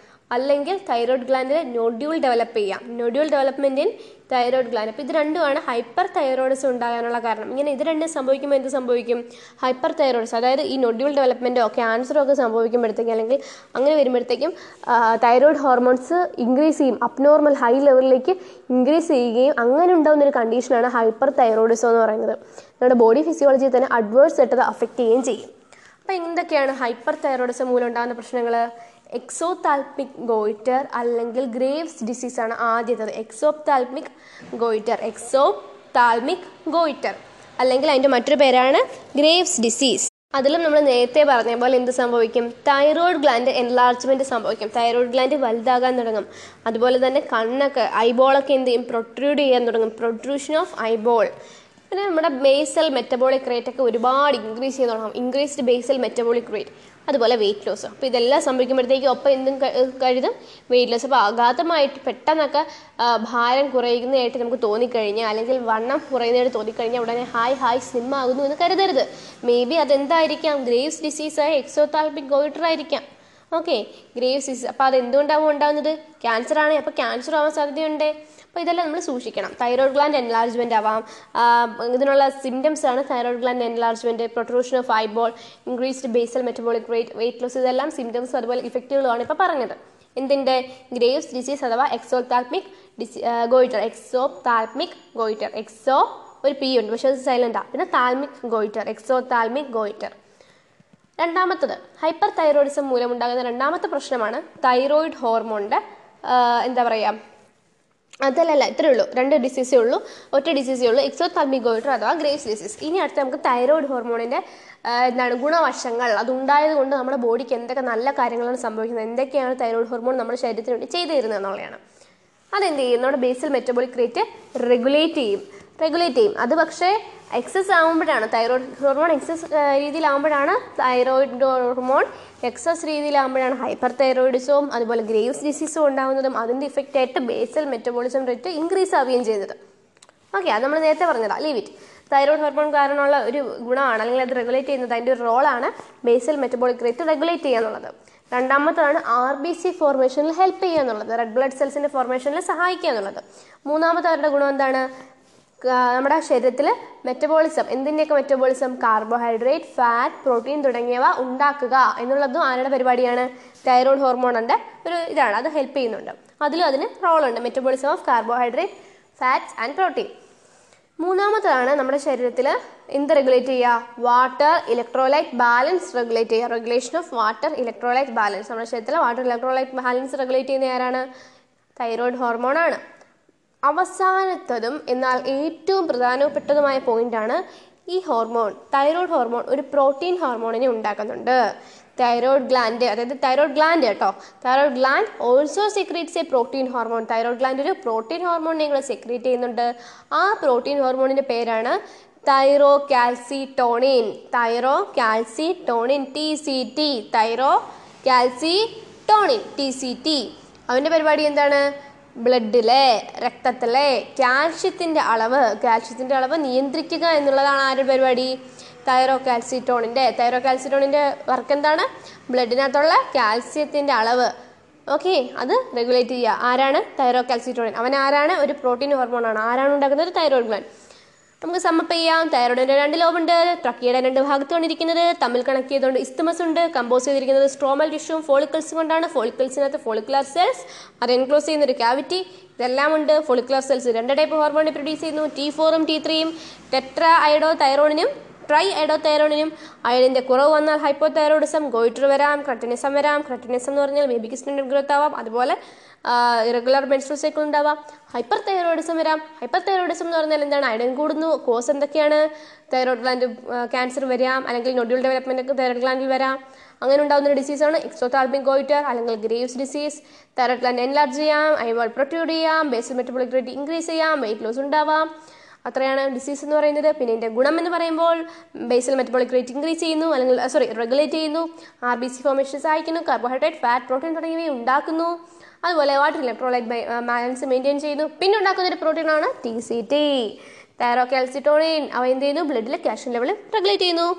ദാറ്റ്സ് ഇറ്റ് ഇതാണ് തൈറോയ്ഡ് ഗ്ലാൻഡിനെ പറ്റി നമുക്ക് പഠിക്കാനുള്ളത്. ഇനി അടുത്ത് നമുക്ക് പാരാ തൈറോയ്ഡ് ഗ്ലാൻഡിനെ പറ്റിയാണ് പറയാനുള്ളത്. പാരാ തൈറോയ്ഡ് ഗ്ലാൻഡ് മൊത്തം നാലെണ്ണം ഉണ്ട്. രണ്ടെണ്ണം ഓരോ തൈറോയ്ഡ് ഗ്ലാൻഡിലായിട്ടും പ്രസന്റ് ചെയ്തിരിക്കുകയാണ്. അതായത് തൈറോയ്ഡ് ഗ്ലാൻഡിന്റെ പുറകുവശത്തായിട്ട് ബാക്ക് സൈഡ് ഓഫ് തൈറോയ്ഡ് ഗ്ലാൻഡിലായിട്ട് രണ്ടെണ്ണം വീതം ഓരോ സൈഡിലായിട്ടും പറ്റിയിരിക്കുകയാണ്. നമുക്ക് ഫിഗർ ട്വന്റി പോയിന്റ് ത്രീയിലെ ബി നോക്കാം. ഫിഗർ ബിയിൽ കൊടുത്തിരിക്കുന്നത് നമ്മുടെ തൈറോയ്ഡ് ഗ്ലാൻഡിന്റെ ആ ഒരു പൊസിഷന്റെ എന്താ ഡോർസൽ സൈഡാണ് കാണിച്ചിരിക്കുന്നത് പിൻഭാഗമാണ് കാണിച്ചിരിക്കുന്നത്. അപ്പോൾ നമുക്ക് അവിടെ എന്ത് കാണാം? നാല് പയർ പാരാ തൈറോയ്ഡ് ഗ്ലാൻഡ് അവർ സ്പോട്ട് ചെയ്തിരിക്കുന്നതാണ്. ആ റെഡ് ഡോട്ട്സ് ഉപയോഗിച്ച് അവർ സ്പോട്ട് ചെയ്തിട്ടുണ്ട്. അതായത് രണ്ടെണ്ണം ഓരോ ലോബിലായിട്ട് ഓരോ തൈറോയ്ഡ് ഗ്ലാൻഡിന്റെ ഓരോ ലോബിലായിട്ടും രണ്ടെണ്ണം വീതമാണ് ഇരിക്കുന്നത്. ഓക്കെ അതാണ് എന്റെ ഇനി പാരാതൈറോയ്ഡ് ഗ്ലാൻഡിന്റെ ഹോർമോൺ ഏതാണെന്ന് നോക്കാം. ഇപ്പം നമ്മളെല്ലാം പറഞ്ഞു ഡയഗ്രത്തിൽ നോക്കി അത് പറഞ്ഞു തന്നു എവിടെയാണ് ലൊക്കേഷൻ എല്ലാം പഠിച്ചു. ഇനി അടുത്ത് പാരാതൈറോയ്ഡ് ഗ്ലാൻഡ് ഉണ്ടാക്കുന്ന ഹോർമോണിനെ പറ്റിയാണ്. പാരാതൈറോയ്ഡ് ഗ്ലാൻഡ് ഉണ്ടാക്കുന്ന ഹോർമോണാണ് parathyroid hormone. Simple P T H okay ഇതൊരു ഹൈപ്പർ കാൽസിമിക് ഹോർമോണാണ് ഹൈപ്പർ കാൽസ്യമിക് ഹോർമോൺ എന്ന് പറഞ്ഞു കഴിഞ്ഞാൽ ബ്ലഡിൽ സി എ ടു പ്ലസ് അതായത് കാൽഷ്യം അയോൺസിന്റെ ലെവൽ ഇൻക്രീസ് ചെയ്യുന്ന ഒരു ഹോർമോണാണ് നമ്മൾ നേരത്തെ തൈറോയ്ഡ് ഗ്ലാൻഡ് പഠിച്ചപ്പോൾ അതിനകത്ത് ഒരു ഹോർമോണിനെ പറ്റി പഠിച്ചില്ലായിരുന്നു. ഒരു പ്രോട്ടീൻ ഹോർമോൺ ഇതിനകത്ത് പെപ്റ്റൈഡ് ഹോർമോൺ പോലെ അവിടെ നമ്മളൊരു പ്രോട്ടീൻ ഹോർമോൺ പഠിച്ചില്ലായിരുന്നു ലാസ്റ്റ് അതായിരുന്നു തൈറോ കാൽസിറ്റോണിൻ അഥവാ T C T T C ടിയും പി ടി എച്ചും അതായത് തൈറോ കാൽസിറ്റോണിനും പാരാതൈറോയ്ഡ് ഹോർമോണിനും ചങ്കും ചങ്കുക കാരണം രണ്ട് പേരുടെയും പരിപാടി ബ്ലഡിലെ കാൽഷ്യം ലെവൽ ഇൻക്രീസ് ചെയ്യുക എന്നുള്ളതാണ് അവൻ റെഗുലേറ്റ് ചെയ്യുന്നു അവൻ ഇൻക്രീസ് ചെയ്യുന്നു. അതായത് പാരാതൈറോയ്ഡ് ഗ്ലാൻഡിലെ പാരാതൈറോയ്ഡ് ഹോർമോൺ ലെവൽ ഇൻക്രീസ് ചെയ്യുമ്പോൾ T C T thyro calcitonin ആ ലെവൽ മെയിന്റെയിൻ ചെയ്യുക അല്ലെങ്കിൽ റെഗുലേറ്റ് ചെയ്യുക ചെയ്യുന്നത്. അപ്പോൾ നമുക്ക് പാരാതൈറോയ്ഡ് ഹോർമോണിന്റെ ആ ഒരു മെയിൻ ഫംഗ്ഷൻ തന്നെ മനസ്സിലായല്ലോ. C U two plus C A two plus C U അല്ലാട്ടോ C A calcium calcium ആണെങ്കിൽ ലെവൽ ബ്ലഡിൽ ഇൻക്രീസ് ചെയ്യുന്നു. അങ്ങനെ വേറെ പരിപാടിയുണ്ട്. ബ്ലഡിൽ മാത്രം ബ്ലഡിൽ ലെവൽ ഇൻക്രീസ് ചെയ്യണമെങ്കിൽ എല്ലായിടത്തും അബ്സോർബ് ചെയ്തും റിസോർബ് ചെയ്തും ഒക്കെ എടുക്കണ്ടേ? എവിടെ നിന്നൊക്കെയായിരിക്കും അബ്സോർബ് ചെയ്യുന്നത്? നമ്മൾ ഡൈജസ്റ്റ് ചെയ്ത ഫുഡിൽ നിന്നും maximum C A two plus absorb ചെയ്യാൻ വേണ്ടി ആര് സഹായിക്കും? T C T sorry P T H സഹായിക്കും പാരതൈറോയ്ഡ് ഹോർമോൺ സഹായിക്കും. അതുപോലെ തന്നെ റെനൽ ട്യൂബ്യൂൾസിൽ നിന്നും സി എ ടു പ്ലസ് അതായത് കാൽഷ്യം ടു പ്ലസ് അയോണിന്റെ റീ അബ്സോർപ്ഷനും വേണ്ടി സഹായിക്കും. ഇങ്ങനെ റീ അബ്സോർബ് ചെയ്തും അബ്സോർബ് ചെയ്തൊക്കെ എടുത്തെങ്കിലല്ലേ ബ്ലഡിൽ നമ്മുടെ സി എ ടു പ്ലസ് അളവ് കൂടുകയുള്ളൂ. അതുകൊണ്ട് മാക്സിമം എല്ലായിടത്തുനിന്നും സി എ ടു പ്ലസ് ഊറ്റിയെടുക്കാൻ വേണ്ടി ആര് സഹായിക്കും? പി ടി എച്ച് അങ്ങനെ ഈ കാൽഷ്യം നമുക്ക് വേണ്ടേ? കാൽഷ്യം നമ്മുടെ ശരീരത്തിന് എവിടെയാണ് വേണ്ടത്? നമ്മൾ ബൂസ്റ്റും അങ്ങനെയുള്ള പല ഡ്രിങ്ക്സിന്റെയും പരസ്യമില്ല ഈ എന്താ പാലിലൊക്കെ ചേർക്കാനുള്ള ബൂസ്റ്റ് ഹോളിക്സ് അങ്ങനെ അങ്ങനെ കുറേ എണ്ണം ഉണ്ടല്ലോ ബോൺവീറ്റ അങ്ങനെയുള്ള എല്ലാത്തിനകത്തും നമ്മൾ കാണുന്നതാണ്. എല്ലുകൾക്ക് ബലം നൽകുന്നു. കാൽഷ്യം അടങ്ങിയ ബൂസ്റ്റാണ് നിങ്ങളുടേത് കാൽഷ്യം അടങ്ങിയതാണ് നിങ്ങളുടെ ഇതിനകത്ത്. ഇതിനകത്ത് അങ്ങനെയൊക്കെ പറയുന്നിട്ടില്ലേ സോ നമുക്കറിയാം കാൽഷ്യം വേണ്ടുന്നത് എന്തിനാണ്? നമ്മുടെ ബോണിന് വേണ്ടിയിട്ടാണ്. അപ്പം ഈ കാൽഷ്യം എല്ലാം കൂടെ നമ്മൾ പി ടി എച്ച് എടുത്തിട്ട് ആർക്ക് കൊടുക്കും? ബോണിന് വേണ്ടി കൊടുക്കും. സ്റ്റിമുലേറ്റ് ചെയ്യും ബോണിന്റെ കാര്യങ്ങളെല്ലാം വേണ്ടി. Bone res sorry bone resorption അത് തന്നെ. Stimulates the process of bone resorption or dissolution or demineralisation അതായത് ബോൺ ഒന്നും എല്ലൊന്നും പൊടിഞ്ഞു പോത്തില്ല ഈ പി ടി എച്ച് നന്നായിട്ട് വർക്ക് ചെയ്യുകയാണെങ്കിൽ ബോണെല്ലാം നല്ല ശക്തിയോടുകൂടി തക്കട് മുണ്ടന്മാരായിട്ട് നല്ല സൂപ്പറായിട്ടിരിക്കും അതാണ് പി ടി എച്ചിന്റെ പരിപാടി. എല്ലായിടത്തും കാൽഷ്യം ഊറ്റിയെടുക്കുന്നു ആർക്ക് കൊടുക്കുന്നു? ബോണിന് കൊടുക്കുന്നു. അതാണ് പി ടി എച്ച് എന്ന പാരാതൈറോയ്ഡ് ഹോർമോണിന്റെ പരിപാടി. ഓക്കെ അപ്പോൾ പാരാതൈറോയ്ഡ് ഗ്ലാൻഡ് കഴിഞ്ഞു. അപ്പോൾ എന്തൊക്കെയാണ് പറഞ്ഞത്? നാലെണ്ണം ഉണ്ട് രണ്ടെണ്ണം ഓരോ തൈറോയ്ഡ് ഗ്ലാൻഡിന്റെ ബാക്ക് ഭാഗത്തായിട്ടിരിക്കുന്നു പെപ്റ്റൈഡ് ഹോർമോണി ഉണ്ടാക്കുന്നുണ്ട് പി ടി എച്ച് എന്നാണ് പേര്. കാൽസ്യത്തിന് എടുക്കുന്നു എല്ലായിടത്തും അബ്സോർബ് ചെയ്തും റിസോർബ് ചെയ്തും എടുക്കുന്നു ആർക്ക് കൊടുക്കുന്നു ബോണിന് കൊടുക്കുന്നു ദാറ്റ്സ് ഇറ്റ് ഇനി അടുത്തത് തൈമസിനെ പറ്റിയിട്ടാണ്. അപ്പോൾ തൈമസിന്റെ ലൊക്കേഷൻ നമുക്ക് ആദ്യം നോക്കാം. തൈമസ് ആണല്ലോ നമ്മൾ പറയാൻ പോകുന്നത്. തൈമസിന്റെ ലൊക്കേഷൻ എവിടെയാണ്? ഇതൊരു ലോബുള്ള സ്ട്രക്ചറാണ് ഒരു ലോബ് പോലത്തെ ഒരു സ്ട്രക്ചറാണ് ലെങ്സുകളുടെ ഇടയിൽ സ്റ്റേണത്തിന്റെ പുറകിൽ അയോർട്ടയുടെ വെൻട്രൽ സൈഡിലായിട്ടിരിക്കുന്ന ആളാണ് ആര്? തൈമസ് അതായത് അയോർട്ടയുടെ മുന്നിലായിട്ട് രണ്ട് ലെങ്സിന്റെയും ഇടയിലായിട്ട് സ്റ്റേണത്തിന്റെ പിന്നിലായിട്ട് സ്റ്റേണം എന്ന് പറഞ്ഞു കഴിഞ്ഞാൽ അറിയാലോ നമ്മുടെ റിപ്സിന് നടുക്കുള്ള സംഭവം. ഒരു ഡാഗർ ഷേപ്പിലുള്ള ആളാണ് സ്റ്റേണം എന്ന് പറയുന്നത്. അപ്പോൾ അവന്റെ പിന്നിൽ ലെങ്സിന്റെ ഇടയിൽ അയോട്ടയുടെ മുന്നിലായിട്ടിരിക്കുന്ന ഒരു ലോബുലർ സ്ട്രക്ചറാണ് തൈമസ് തൈമസിന്റെ കാര്യങ്ങൾ പഠിക്കാൻ വളരെ സിമ്പിളാണ് തൈമോസിൻസ് എന്ന് പറയുന്ന പെപ്റ്റേഡ് ഹോർമോണിനെയാണ് ആരുണ്ടാക്കുന്നത്? തൈമസ് ഉണ്ടാക്കുന്നത്. ഓക്കെ തൈമോസിൻസ് എന്ന് പറയുന്ന പെപ്റ്റൈഡ് ഹോർമോൺ അവരെന്തിനെ സഹായിക്കുന്നു? തീ ലിംഫോസൈറ്റ്സിന്റെ ഡിഫറൻസിയേഷന് സഹായിക്കുന്നു. തീ ലിംഫോസൈറ്റ്സിന്റെ ഡിഫറൻസിയേഷന് സഹായിക്കുന്നു. അങ്ങനെ ടി ലിംഫോസൈറ്റ്സിന്റെ ഡിഫറൻസിയേഷൻ സഹായിച്ചാൽ എന്ത് സംഭവിക്കും? നമ്മൾ നേരത്തെ പഠിച്ചിട്ടുണ്ട് ടി ലിംഫോസൈറ്റ്സ് എന്ന് പറയുന്നത് എന്തിനു സഹായിക്കുന്നവരാണ്? സെൽ മീഡിയേറ്റഡ് ഇമ്മ്യൂണിറ്റിക്ക് സഹായിക്കുന്നവരാണ്. അതുപോലെ തന്നെ ടി ലിംഫോസൈറ്റ് ഇൻഡയറക്റ്റ് ആയിട്ട് ഹ്യൂമറൽ ഇമ്മ്യൂണിറ്റിക്കും സഹായിക്കുന്നുണ്ട്. അല്ലേ? ടി ലിംഫോസൈറ്റിനെ അറിഞ്ഞൂടെ? തൈമസിൽ നിന്ന് ഉണ്ടാവുന്നതാണ് ടി ലിംഫോസൈറ്റ് അപ്പോൾ ആ ഡിഫറൻസിയേഷൻ ഓഫ് ടി ലിംഫോസൈറ്റ്സിനെ സഹായിക്കുന്നത് വഴി സെൽ മീഡിയേറ്റഡ് ഇമ്മ്യൂണിറ്റിക്കും ഹ്യൂമർ ഇമ്മ്യൂണിറ്റിയിലും സഹായിക്കുന്നു. അങ്ങനെ നമുക്ക് ഇമ്മ്യൂണിറ്റിയിൽ കാര്യമായ നല്ലൊരു എന്താ പറയുക ഡെവലപ്മെന്റ് ഉണ്ടാകുന്നുണ്ട്. പക്ഷേ ഒരു പ്രശ്നം എന്ന് വെച്ച് കഴിഞ്ഞാൽ പ്രായമായവരുടെ ഉള്ളിൽ വീക്കായിട്ടുള്ള അഡൽട്ടിന്റെ ഉള്ളിൽ ഉള്ളിൽ എന്ത് സംഭവിക്കുന്നു? ടൈമസ് ഡീജനറേറ്റ് അതായത് അത് ചുരുങ്ങി ചുരുങ്ങി ചുരുങ്ങി പോകും. അങ്ങനെ എന്ത് സംഭവിക്കും? വാർദ്ധക്യത്തിലെത്തുന്നവർക്ക് ഇമ്മ്യൂണിറ്റി കുറയും. ടി ലിംഫോസൈറ്റിന്റെ ഡിഫറൻസിയേഷൻ കുറയും. അങ്ങനെ ഇമ്മ്യൂണിറ്റി കുറയും. അവർ വീക്കാകും ഓക്കെ അതാണ് നമ്മുടെ തൈമ തൈമസിന്റെ കാര്യങ്ങൾ. ഒരു ലോബുലർ സ്ട്രക്ചറാണ് ലെങ്സിന്റെ ഇടയിൽ സ്റ്റേഡത്തിന്റെ പുറകിൽ അയോട്ടയ്ക്ക് മുന്നിലായിട്ടാണ് ഇരിക്കുന്നത്. തൈമോസിൻസ് ഉണ്ടാക്കുന്നുണ്ട്. അവൻ എല്ലാ തരത്തിലുള്ള ഇമ്മ്യൂണിറ്റിയും പ്രൊവൈഡ് ചെയ്യുന്നുണ്ട്.